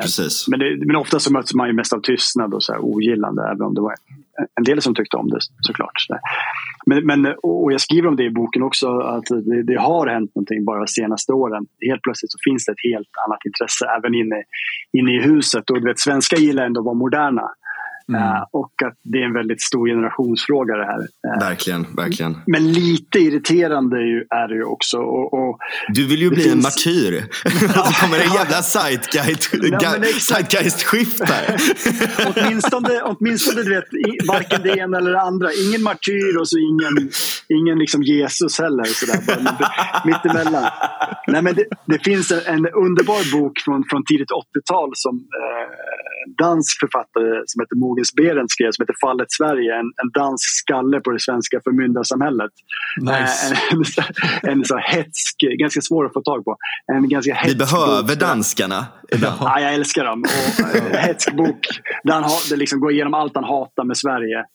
Eh, och, och, Ja, den är väldigt underhållande. Men, och där, jag, jag, skrev ner det här citatet bara för att jag tycker det är så jävla bra. För det har att göra med, med medierna. Och, för jag tänkte att det är precis så här det är idag också. Det, är, det här är verkligen den situation jag är i nu. Och han säger så här. Skam över den som inte litar på att de svenska medierna slår till först när motståndaren är på väg att falla. Mm. Och det är precis så det är. Och det är den frågan du ställer. Det är precis så det är. Och det är inte bara i det här, det är i många frågor. Mm. Och, och, som journalist så irriterar det här mig som fan. För jag menar, de som är, är de bästa journalisterna, jag menar, det, det är en så här jag Thomas Quick-granskning. Liksom. Att, att någon bara vet, går helt out of the line och gräver ner sig och sen presenterar någonting som, som, som kommer från sidan och bara slår undan benen på allt. Mm. Uh, det, det, det, det, det är det man har respekt för. Så att, eh, så det är det jag menar, jag, jag var beredd att ta mycket, mycket mer skit. Mm. Eh, inte för att jag driver någon tes, men bara att ens ta upp det på det här sättet. Att, jag, menar, jag har ett kapitel i den här boken, vet, det har varit helt tabu. Jag tar upp brukare och jag har ett kapitel som heter Världens bästa drog. Inte för att förhärliga cannabis, men för att förklara varför människor använder cannabis på ett populärvetenskapligt sätt. För den mm. frågan har vi inte ens ställt oss. Och menar, den frågan måste du ställa dig, även om du hatar cannabis så måste du veta varför folk dras till drogen. Vad är det som är så bra med den? Mm. jag tänkte på det också. Så, ja. Ja. ja, förlåt. Nej, det var ingenting. Nej, kör. Nej, men jag tänkte på det när du sa det just med um, um, det här med att, att, att våga stöta sig som journalist. Alltså det är ju så enormt viktigt om man är intresserad av eh, utveckling av ett samhälle. Jag menar, vi måste mm. ju testa gamla sanningar för att mm. utveckla och förbättra saker. Alltså, om man är intresserad av liksom, progression och inte nödvändigtvis eh, specifikt progressivitet så är det ju, det är ju extremt viktigt. Och Ja, jag vet inte hur det går med, med, med den saken i, i Sverige och i, i västvärlden just nu. Jag tycker att det är väldigt mycket som tyder på att vi faktiskt går bakåt där. Vi ändrar bara lite Ja, jag, um... jag, tror det. Och, och, och, det här, jag kan testa om, om ni håller med, men det här är från en annan fantastisk bok om, om eh, som eh, en Åke Down har skrivit som heter Svensk mentalitet som är jävligt intressant. Där han går igenom alla olika typer, han är forskare, olika svenska egenheter och var de kommer ifrån. Mm. Och, där är också det här, och det märker jag på jobbet också, även om det kan skilja sig lite grann på vilken redaktion man är i. Men, men jag tror att det är så på arbetsplatser också att när svenskar sitter och pratar vid kaffebordet. Eh, då är det så här, alltså om det ska bli någon diskussion av, om man ska komma framåt då, på tal om att komma framåt, så, så krävs det ju att, att någon tar på sig rollen och är djävulens advokat. Mm. Eller hur? Det, annars mm. blir det ju inte så bra. Eh, problemet är att generellt sett, så jag, jag håller med om det, jag, jag tycker att det är så också att svenskar har svårt att förstå att när någon då agerar djävulens advokat då kan de göra det utan att för den skull tycka så. Mm. Precis, precis. Ja, och, och, och, och det här skiljer ju det samtalsklimatet från, från många andra länder. Och, och, och konsensuskultur har säkert gagnat oss på många sätt och, och är nog eh, bra ibland. Men det, det, man måste kunna bråka lite mera. Verkligen, jag. jag håller med. Jag håller med. Mm. Det, ja. Jag är ju expert på det så jag håller verkligen med. Ja. Nej, men, ja, jag med. nej, men, verkligen. En annan grej som jag tänkte på som min, min, min flickvän påpekade nyligen, eh, som, som, som, på tal om det här med att vara bråkig så tycker hon att jag är lite för bråkig ibland. Men, eh, så, så sa hon det här just på tal om kanske en positiv aspekt av tilltro eh, och inte bara cynisk, eh, lite så här kvasi-anarkistisk eh, eh, kontrarianism. Då, att när Karolinska institutet, för att alltså, han Leonidas Aktas, heter han va? Areta Aretakis. Aretakis, så är yes. Han skriver ju den här boken, eh, han har ju skrivit en bok om psykedelier nu. Yes, som har börjat komma. i folkhemmet. Precis. Mm. Och, och liksom, eh, varför kan man skriva en sån bok nu? Varför kan du skriva din bok nu och få så bra reaktioner och allt sånt där? Hon kom med en tes att just på grund av att Karolinska har börjat med de här grejerna, att, att det kan spela in lite också. Liksom, det är såklart inte hela förklaringen. Men, men, men just att de har liksom börjat komma med eh, forskning på alltså de positiva effekterna på något sätt. Och att så här, helt plötsligt så har det blivit eh, okej okay för forskningen och för akademin att börja gå in i de här sakerna och börja kolla lite på det. Jag tänkte på det här, varför tar någon någonting och sånt där. Liksom. Mm. Det tror jag har satt en, alltså det, det, det är såklart ripple effects då, för att alla följer ju inte vad Karolinska håller på med. Men det gör att eh, journalistskråt, ledarskribenter, opinionsbildare, alltså de här radiomasterna börjar på något sätt liksom, aha, okej okej, okay, ja. Och så har så man liksom de här seriösa, seriösa institutionerna där, som, vi har, som svenska folket har väldigt mycket tillit till som man kan hänvisa och sånt där till också. Då. Ja, men så är det och jag, skri jag skriver faktiskt i boken att, eller en av varför jag tror att narkotikan diskuteras och debatteras mer idag. Dels har vi omvärlden och då kanske cannabis spelar in mycket. Eh, de här legaliseringarna. Också kopplingen till, till den organiserade brottsligheten spelar in att frågan har kommit upp. Men även eh, den psykedeliska forskningen då, att alltså, preparat som tidigare var förknippade med, med motkultur och så här slapp andlighet nu är, är, lyfts fram som, som mirakelmedel i, i jakten på eller i arbetet mot psykisk ohälsa och så vidare. Så, så det Precis. spelar definitivt in. Sen tror jag att, för det är lite kul där för att eh, Leonidas, jag har det här framför mig och, och, och, jag har lärt känna honom de senaste månaderna för vi insåg att vi skrev böcker om droger och Sverige båda två så vi var tvungna mm. att ta en, ta en bärs och sen insåg vi att fan det är skitbra, de kompletterar varandra helt perfekt. Ja, så, verkligen, det gör de eh, verkligen alltså. så, så jag är så glad. glad jag har börjat läsa den Leonidas nu. Den är superbra. Jag kan verkligen rekommendera ja. den också. Ja, ja, men det är jättekul. Han är jätte, jättetrevlig. Och, och, eh, nej men, och jag tror att att det går ju hem på kultursidorna mer och i det, det skrået. Mm. Cannabis fortfarande är lite annorlunda. Eh, visst, du har de här vad som händer i omvärlden. Det påverkar definitivt. Eh, men där är det mer politiken som, som drar och sådär som folk har varit intresserade över. Eh, om man kollar vilka som inte har recenserat min bok så är det ju både DN och Svenskan Kultur har ju inte recenserat den. Och inte, ens gjort en, in, och inte ens gjort en intervju.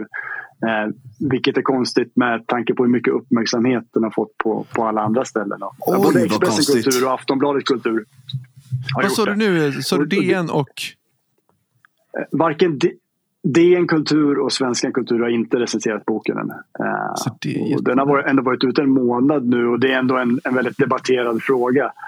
Uh, Så det är, lite, det är lite undligt men det... Ja, mm. Jag vet inte. Det, det, är någonting med, med cannabis där som är lite annorlunda än de psykedeliska preparaten. Men är det inte lite så här också att alltså, cannabis ses som eh, liksom slapp alltså arketypen av den som röker cannabis är liksom slapp, eh, konträr och, och, och liksom, eh, ja, men att det är liksom lite så underklassdrog och lite, lite såna här grejer. Och så ser man, okej okay, men det är spännande, alltså typ med psykedelier då, att det är, så här, det är spännande för det är andra kulturer som har ett annat syn på ja. själslighet, det är mer religiöst, det är mer mm. en ritual, det är lite finare och lite exotiskt. Och Silicon, och Silicon Valley-pengar. Precis, eh, precis, precis. så, nej men så det är verkligen, så på det sättet är det två olika världar. Och, och det där är ju också intressant överlag. Hur de psykedeliska preparaten, jag menar ärligt talat, det är också det, det är droger. Folk tar dem för att ha, ha roligt också. Eh, mm. Kanske framför allt. Jag menar, Nej, jag har tagit psykedelier för att det är kul ja, också. Alltså, jag men, men, jag har också tagit det för att göra en ritual, gå in i ja, mig själv och såna här saker också. Men, men jag menar, det är skitkul att käka lite svamp och gå ut i skogen och dansa ja. sådär. Liksom. Ja. Men jag menar att det finns en... Det, är att, att det har blivit lite fint med en del av de psykedeliska preparaten. Trots att vissa av dem inte skiljer sig så mycket från droger som, som anses vara mer smutsiga. Mm. till exempel. Precis. Jag tror Carl Hart tar upp det här med skillnaden mellan MDMA och, och metamfetamin. Mm. Eh, han menar att det är, ganska utbytbara droger. Men att den ena har en väldigt så fin konnotation medan den andra ses som en av de smutsigaste av dem alla. Mm. Eh, så det beror på vilka som använder drogen också. Ja, men meta, det, det knäppa med metamfetamin är ju att vi ger ut det till barn. Ja, jag menar, Eller USA gör det, jag vet inte om man använder ja. just det. Men alltså... Ja, men jag, Ja, men det är nog, jag vågar inte säga exakt hur det är, men, men det är väldigt nära i alla fall om man tittar på, på, på, på den kemiska sammansättningen. Ja. Vad, vad jag har fattat. Ja. ja. men det brukar också Carl Hart prata om. Så det, det är så himla mycket kultur som spelar in här. Eh, och, och, och de här, alltså vad, man, vad som anses vara okej okay eller fint eller någonting sånt där. Men, mm. men, eh, men jag tror att, att just på cannabis-sidan så är det ju uppenbart att jag menar, oavsett vad som händer i Sverige, oavsett eh, om det blir en bättre diskussion här så med tanke på hur mycket som händer i omvärlden nu så kommer vi ändå behöva förhålla oss till det. Jag menar, Tyskland ska legalisera cannabis. Det är mm. Europas ekonomiska motor.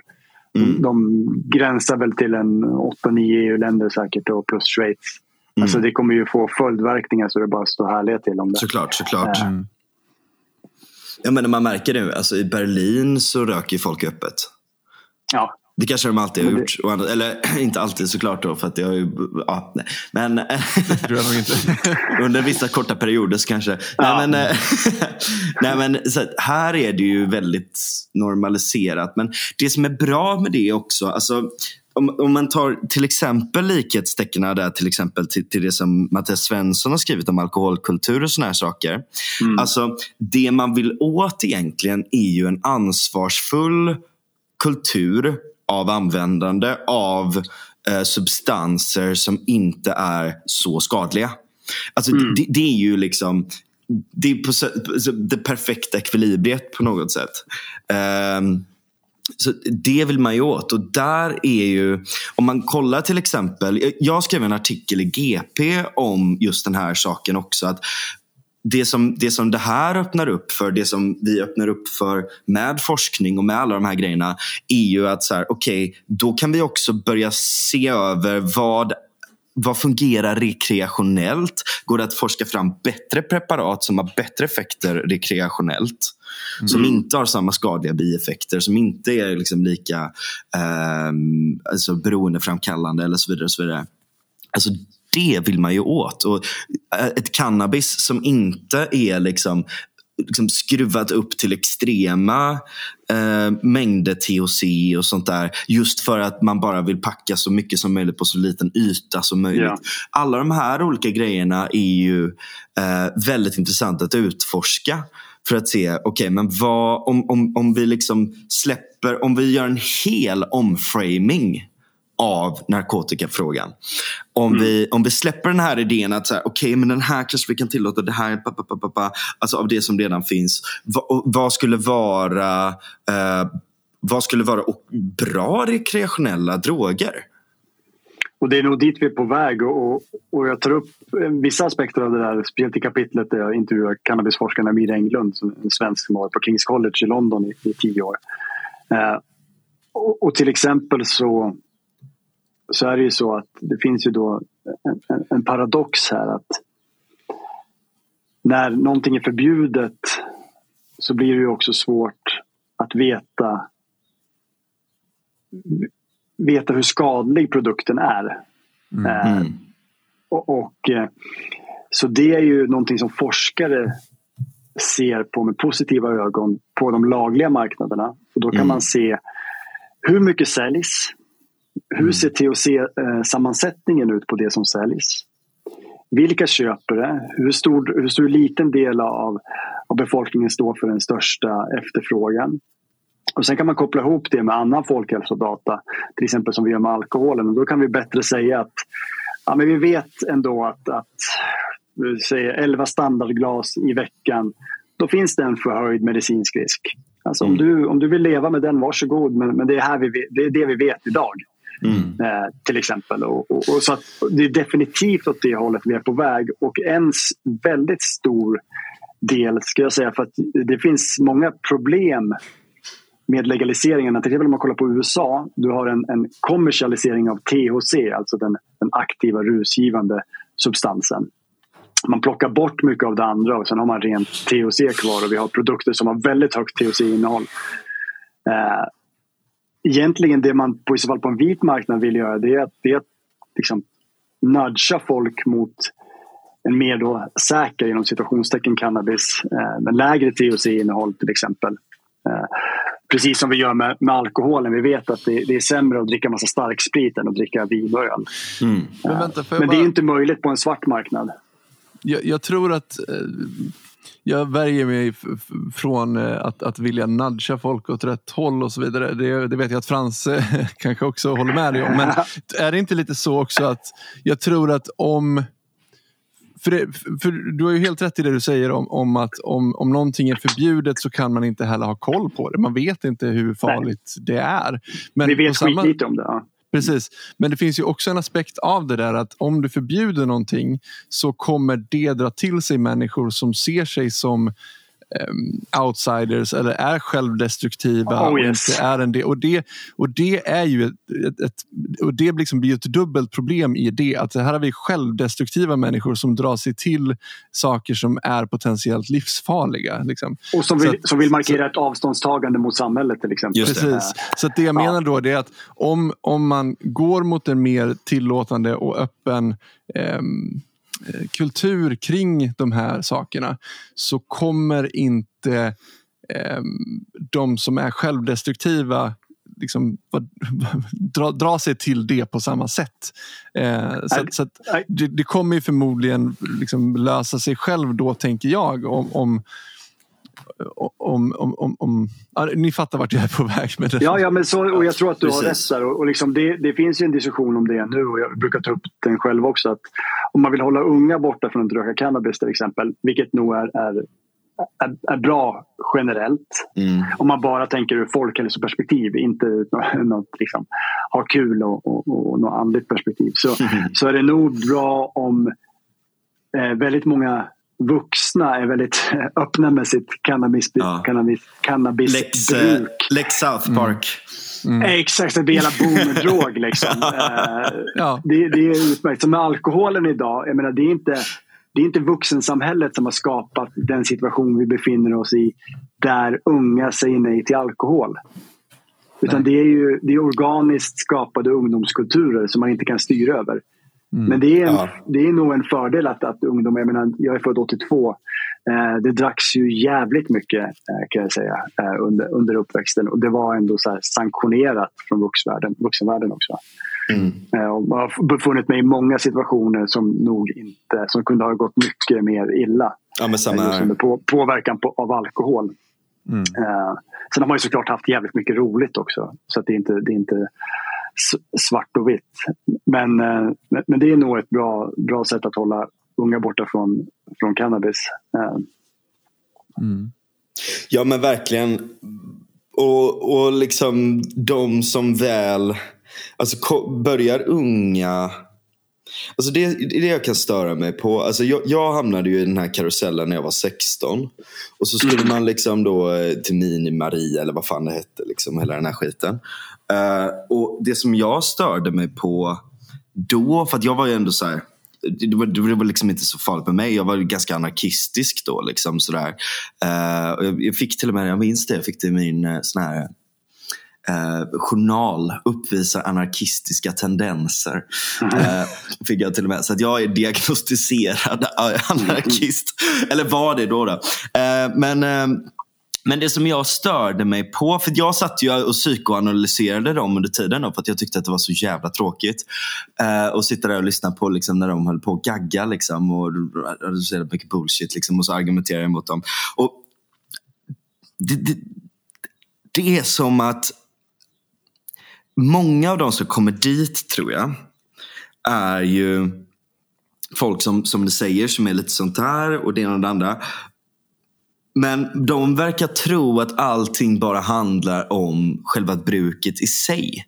Alltså att det mm. skulle vara liksom, liksom allting som det handlar om. Liksom. Jag tror att det är väldigt många personer som kommer dit som är lite deprimerade, lite lost, Uh, lite, uh, liksom, har kanske konstig situation hemma och så vidare. Och så vidare allt sånt där. Och att inte fokusera specifikt på de sakerna utan hela tiden lyfta upp cannabis som problemet är så fruktansvärt uh, kontraproduktivt tror jag.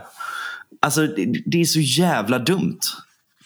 Och, och framförallt när det är en person, inte minst som är konträr. För då blir mm. det ju bara fuck you. Alltså det blir ännu mer fuck you. Mm. Nej, men det låter ju eh, oerhört eh, riskabelt. Och, och, och återigen, det, det är lite, lite lurigt det där för att det är klart att, att det kommer folk till, alltså underåriga som kommer till Mini-Maria till exempel som verkligen eh, har problem och borde få hjälp också med, med drogen. Men sen är det ju jo, många gud, saker ja, gud, som, som spelar in. Men sen är det ju också så eftersom det är då så stigmatiserat och, och förbjudet och sådär så, så kan det, man ju också tänka sig att det kommer dit en del folk som som inte har problem så att, så att säga. Om man nu då kan acceptera att, att, att, att underåriga ibland använder droger. Eh, jag vill ju helst att mina barn inte ska göra det. Samtidigt så det är ju tyvärr under eh, när man är ung och ung vuxen som det är som roligast att använda droger. Mm. Eh, jag menar, idag är inte så mycket roligt för mig. Jag, jag fyller 40 i sommar. Mm.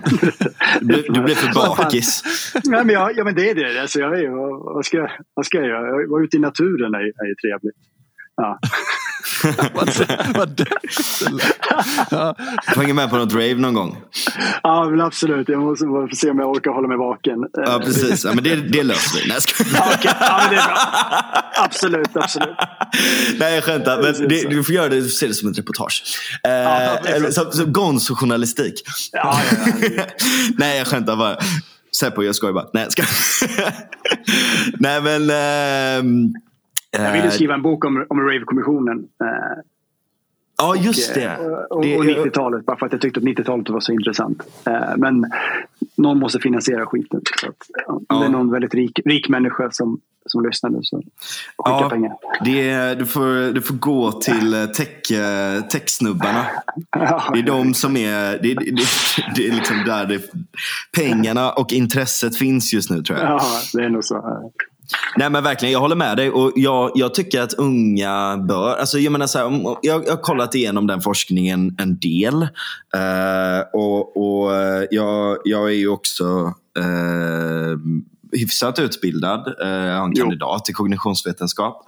Uh, och det, det, man kan se lite är ju att det, det, det handlar ju snarare om Alltså, om man ser den största kausala faktorn så är det ju riskbenägenhet och eh, liksom att, att man, man har så att säga en psykologisk profil som söker efter kickar. Eh, ja. Och um, att det är spännande och det är lite förbjudet och såna här saker bidrar till kicken likväl som drogen i sig gör det.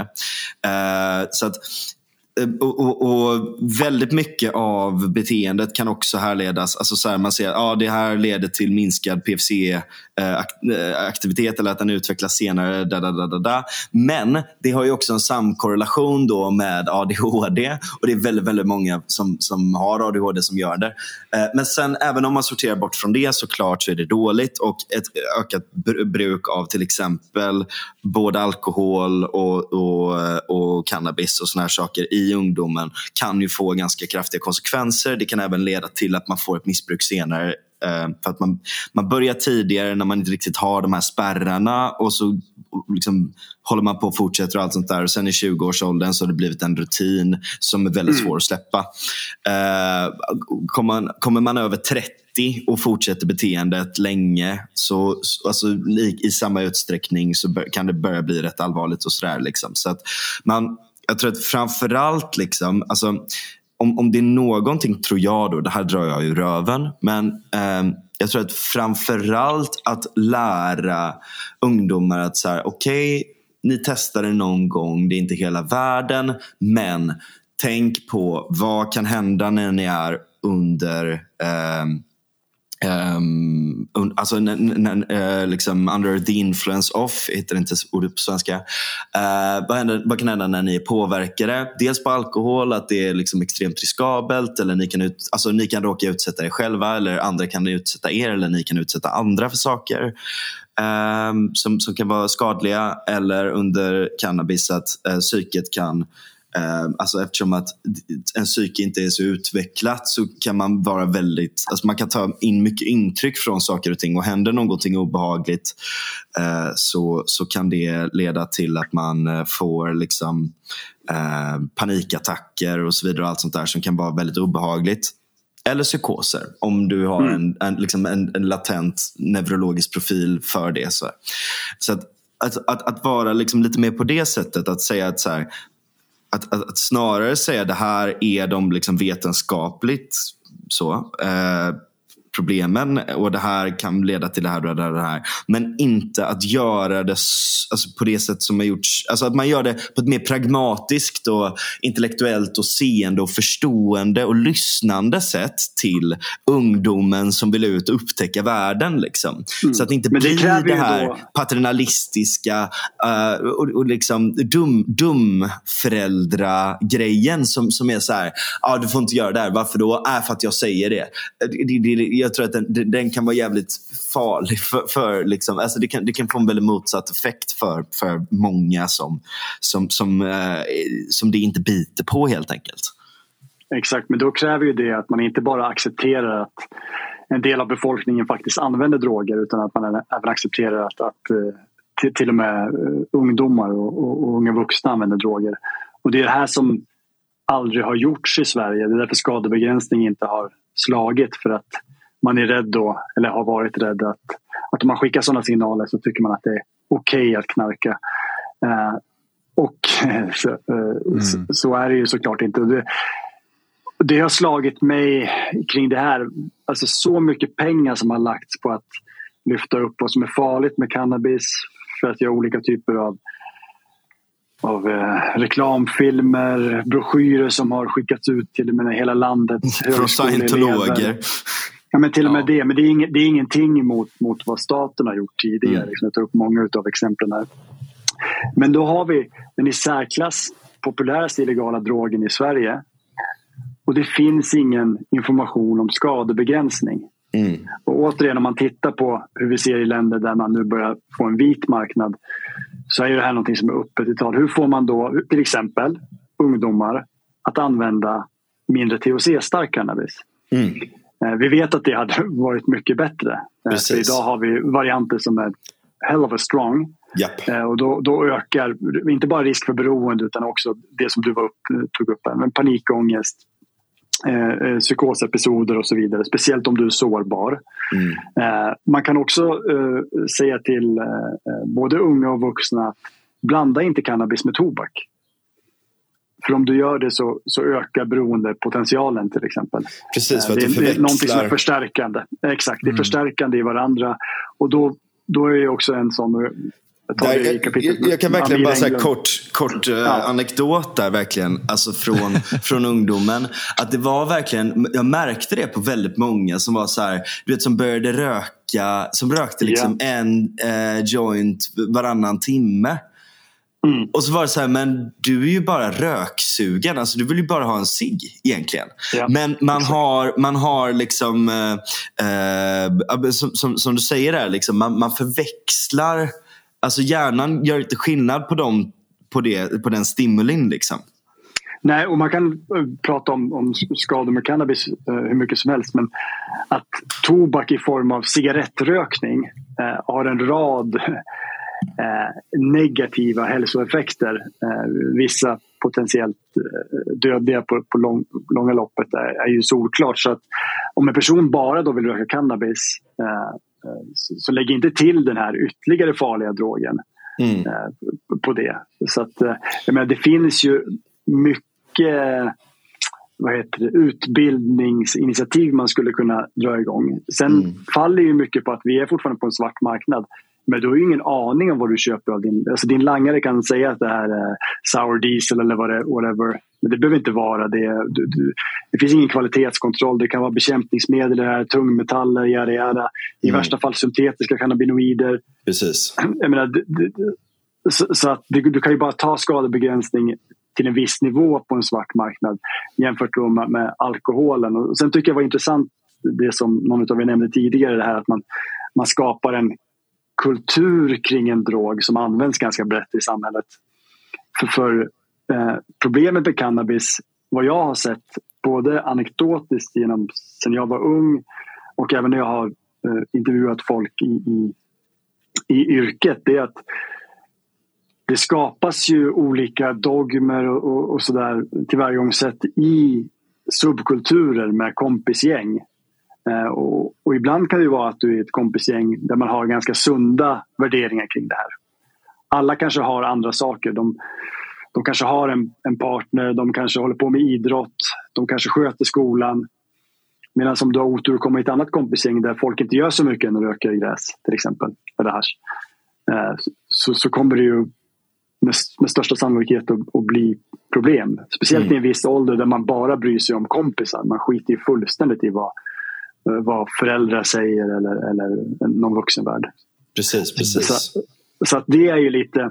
Och jag tror att i Sverige, eftersom det har varit återigen väldigt stigmatiserat med cannabisbruk eh, och det finns inga röster som liksom normala röster i, i samtalet så tror jag att här, här kan det vara så att, att det har varit ännu mer så att det har formats i olika subkulturer och att Eh, om då, eller när, sen om det handlar om 10 eller 20 år, Sverige också kommer att legalisera cannabis. Då är frågan, är svenskarna redo för det?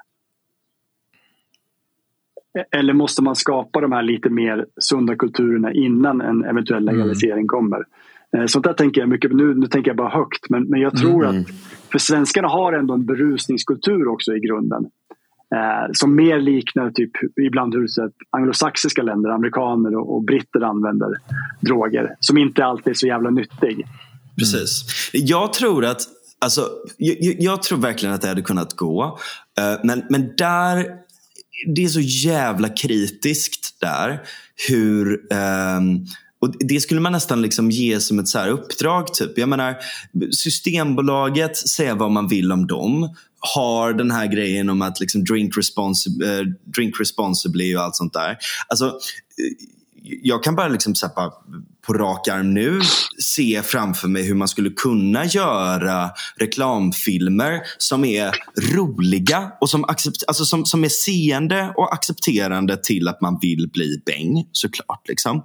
Men jag menar, tänk dig typ så här, eh, tänk dig att du gör en reklamfilm där liksom du, du leker lite så här, du, är på en, eh, liksom, du leker lite med, med de här olika scenarierna. Liksom. Eh, att, att du är på en fest liksom, så ser du en person som, eh, som liksom röker en hel jävla, eller vet, så här, lägger upp en monster eh, joint liksom, och bara står där och puffar, puffar, puffar.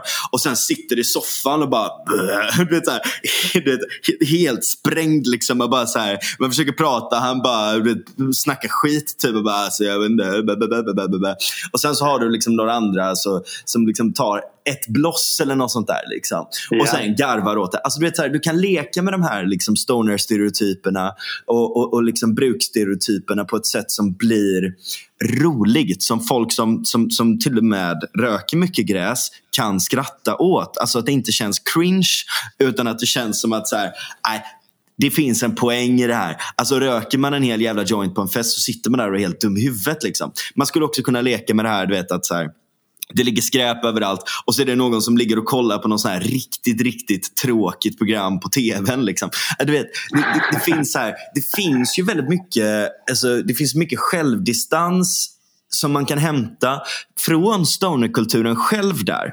Om hur ja, man har ett, ett, ett, ett, ett seriöst bruk. Liksom. Uh, och jag tror att det hade bara varit... Och, och, Förlåt, en grej till. Så Marcus ja. Berggren ska, ska vara med i det här också. för att, för att han, han skrev den roligaste artikeln jag läst tror jag på, på ämnet. Liksom. Det här med att vi måste göra... Alltså att, att stonerkulturen kan vara jävligt töntig. Liksom. Och liksom ja. här att, att, liksom, att, att, att man anspelar på det. Då. Ja. Nej, men jag, jag håller på tal om stonerkulturen. Jag brukar säga samma sak. Jag måste läsa den här texten jag skrev. För att den är ju ofta jävligt töntig. Eh, sen så här, grejen är att det är ju på många sätt förbudet som har gjort den så. För att ja. den har ju det var så lätt, alltså det var ju det som skapade de här jävla Cheech and Chong-filmerna som sen... liksom, och, och, alla jävla, och hela kulturen runt. Även om det finns bra stoner-filmer också. Ja. Pineapple Express är fortfarande bra till exempel. Den är rolig. Nej men så att det är också Om man är bängen är rolig. Ja. ja, det kanske Man måste Nej, men, komma in på samma stadie liksom. Nej men jag tror, och, och alltså de här liksom reklam eller liksom vad man ska utbildningsfilmerna. Det hade definitivt kunnat göras och göra det på ett snyggt sätt. Frågan är bara, och det kommer att komma förr eller senare i Sverige, tror jag. Frågan är bara vem som gör det. Kommer det att göras av en, någon typ av ideell organisation som vill se en bättre diskussion kring rus i samhället? Eller kommer det faktiskt att göras av en statlig myndighet? Precis. Äh. Nej, men, och det är det där som, är, som jag fruktar verkligen. För att om det blir så här, statlig myndighet, tråkig film och så här, en person som hoppar ner från, ett från, från en balkong liksom, och, och, tror att han är en apelsin. Typ. Alltså, du vet, mm. det, det, man kan inte göra så. Det, det, liksom, de vuxna måste tillbaka in i rummet. Liksom. Om vi ska göra en bra, om vi ska liksom, få en bra skademinimerande, liksom, utbildande så, liksom, politik runt det där. Liksom. Och jag, jag tror ja, att så här, eh, jag, jag, tror verkligen att det finns en potential där. Men allt kommer ju ta tid. Jag, jag skriver om den här eh, balkongfilmen för övrigt som Folkhälsoinstitutet gjorde. Den sista mm. stora skräckkampanjen. Han som då på samma sätt, i, i, men han tar ju ett bloss då och sen, sen spårar han ur och så eh, backar mot balkongen och alla, alla liksom med otäcka ansikten tittar på honom och så ramlar han ner över Mm. Uh, och det var ju kul för att jag, jag gick igenom interna dokument som, uh, från Folkhälsoinstitutet som det hette på den tiden. Och de gjorde ju undersökningar hur, hur väl den här eh, träffade biobesökarna.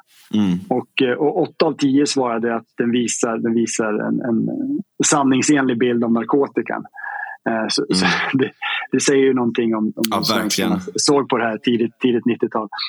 Eh, där finns, där finns ju en intressant, för det första, eh, då när det hette Folkhälsoinstitutet, då fick de bedriva propaganda själva.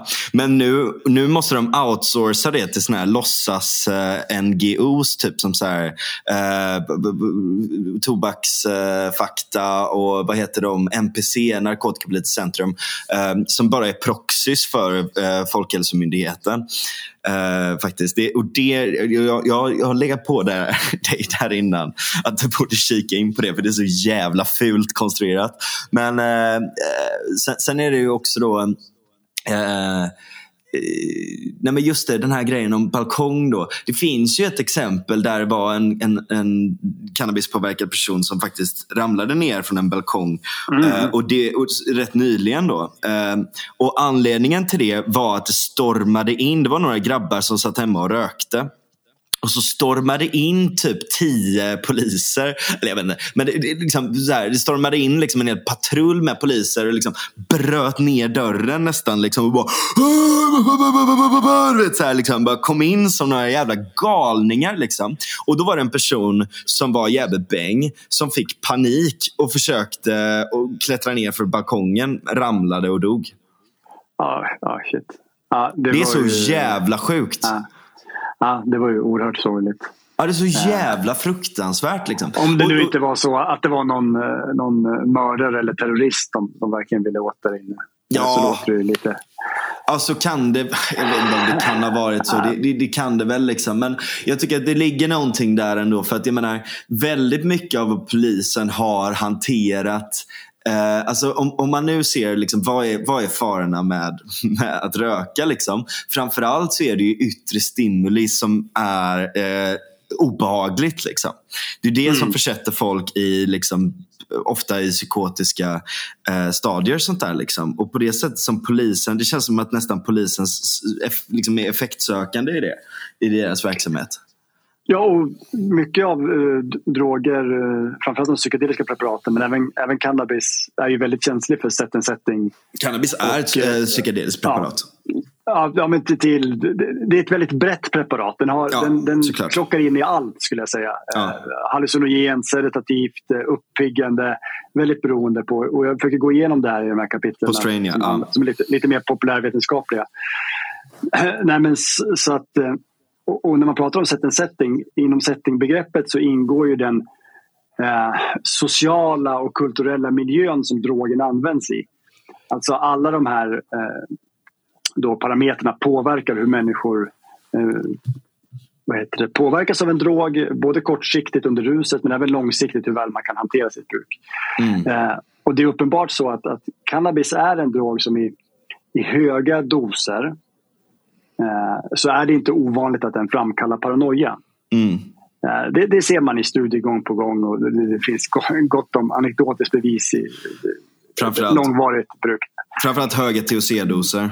Exakt, och det är precis det jag menar. Alltså höga, när jag pratar om höga doser så är det alltid THC skulle jag säga, som jag pratar om. Och, och då är det såklart, om du är, befinner dig i en miljö där det är ett normbrott, där det är kriminaliserat, och där även polisen aktivt jagar brukare mm.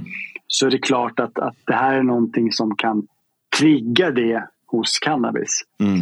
Mm. Eh, i användaren. Och det, det är ganska intressant för då blir det återigen lite så själv, självuppfyllande profetia eh, då med, med de negativa biverkningarna. Så det är klart att det, att det är eh, en oerhörd skillnad. Det tänk dig själv om, om ni sitter och dricker en och en halv flaska vin och så är ni i ett, ett uh, muslimskt land där det, är, uh, där det är dödsstraff på att vara mm. berusad.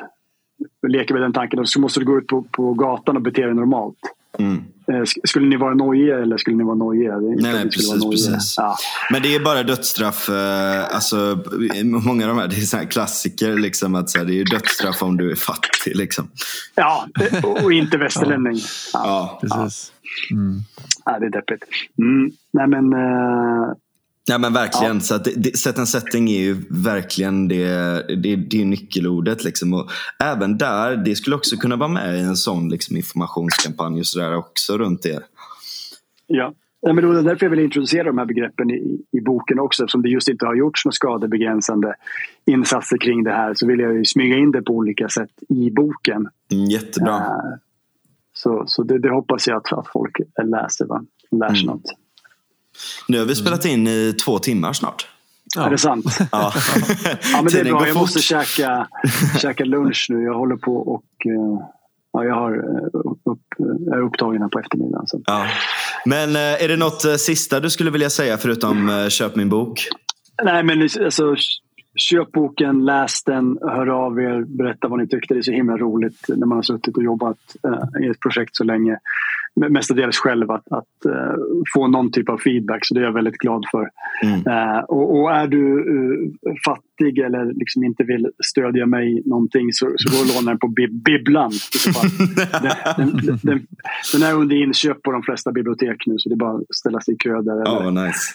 Ja, och eh, tillhör du någon typ av eh, organisation eller förening som vill eh, att jag ska komma ut och prata så är det bara att höra av er. Annars så kan man följa mig på Twitter nog helst. Eh, Instagram är jag väldigt eh, dålig på just nu. Jag pallar inte vara där. Så Johan Wiklén i ett ord. Mm. Gött. Ja, och Johan Wiklén, du är en hjälte. Ja, Tack snälla för att ni bjöd in mig. Mm. Tack för att du ville vara med alltså. Ja, jag ser fram emot verkligen. omslaget. Ja, Oh. Jag ska göra ett ja, jättefint vad, vad, eh, vad blir det för omslag? Det, det, jag har inte bestämt det, än. Ja, det är bra. Det är en podd med finaste omslag. Så att, eh, okay. Ja, tack. Ingen, ingen, ingen press. Vad fint. Ja. ja, vad kul. Det är Daniel som gör dem.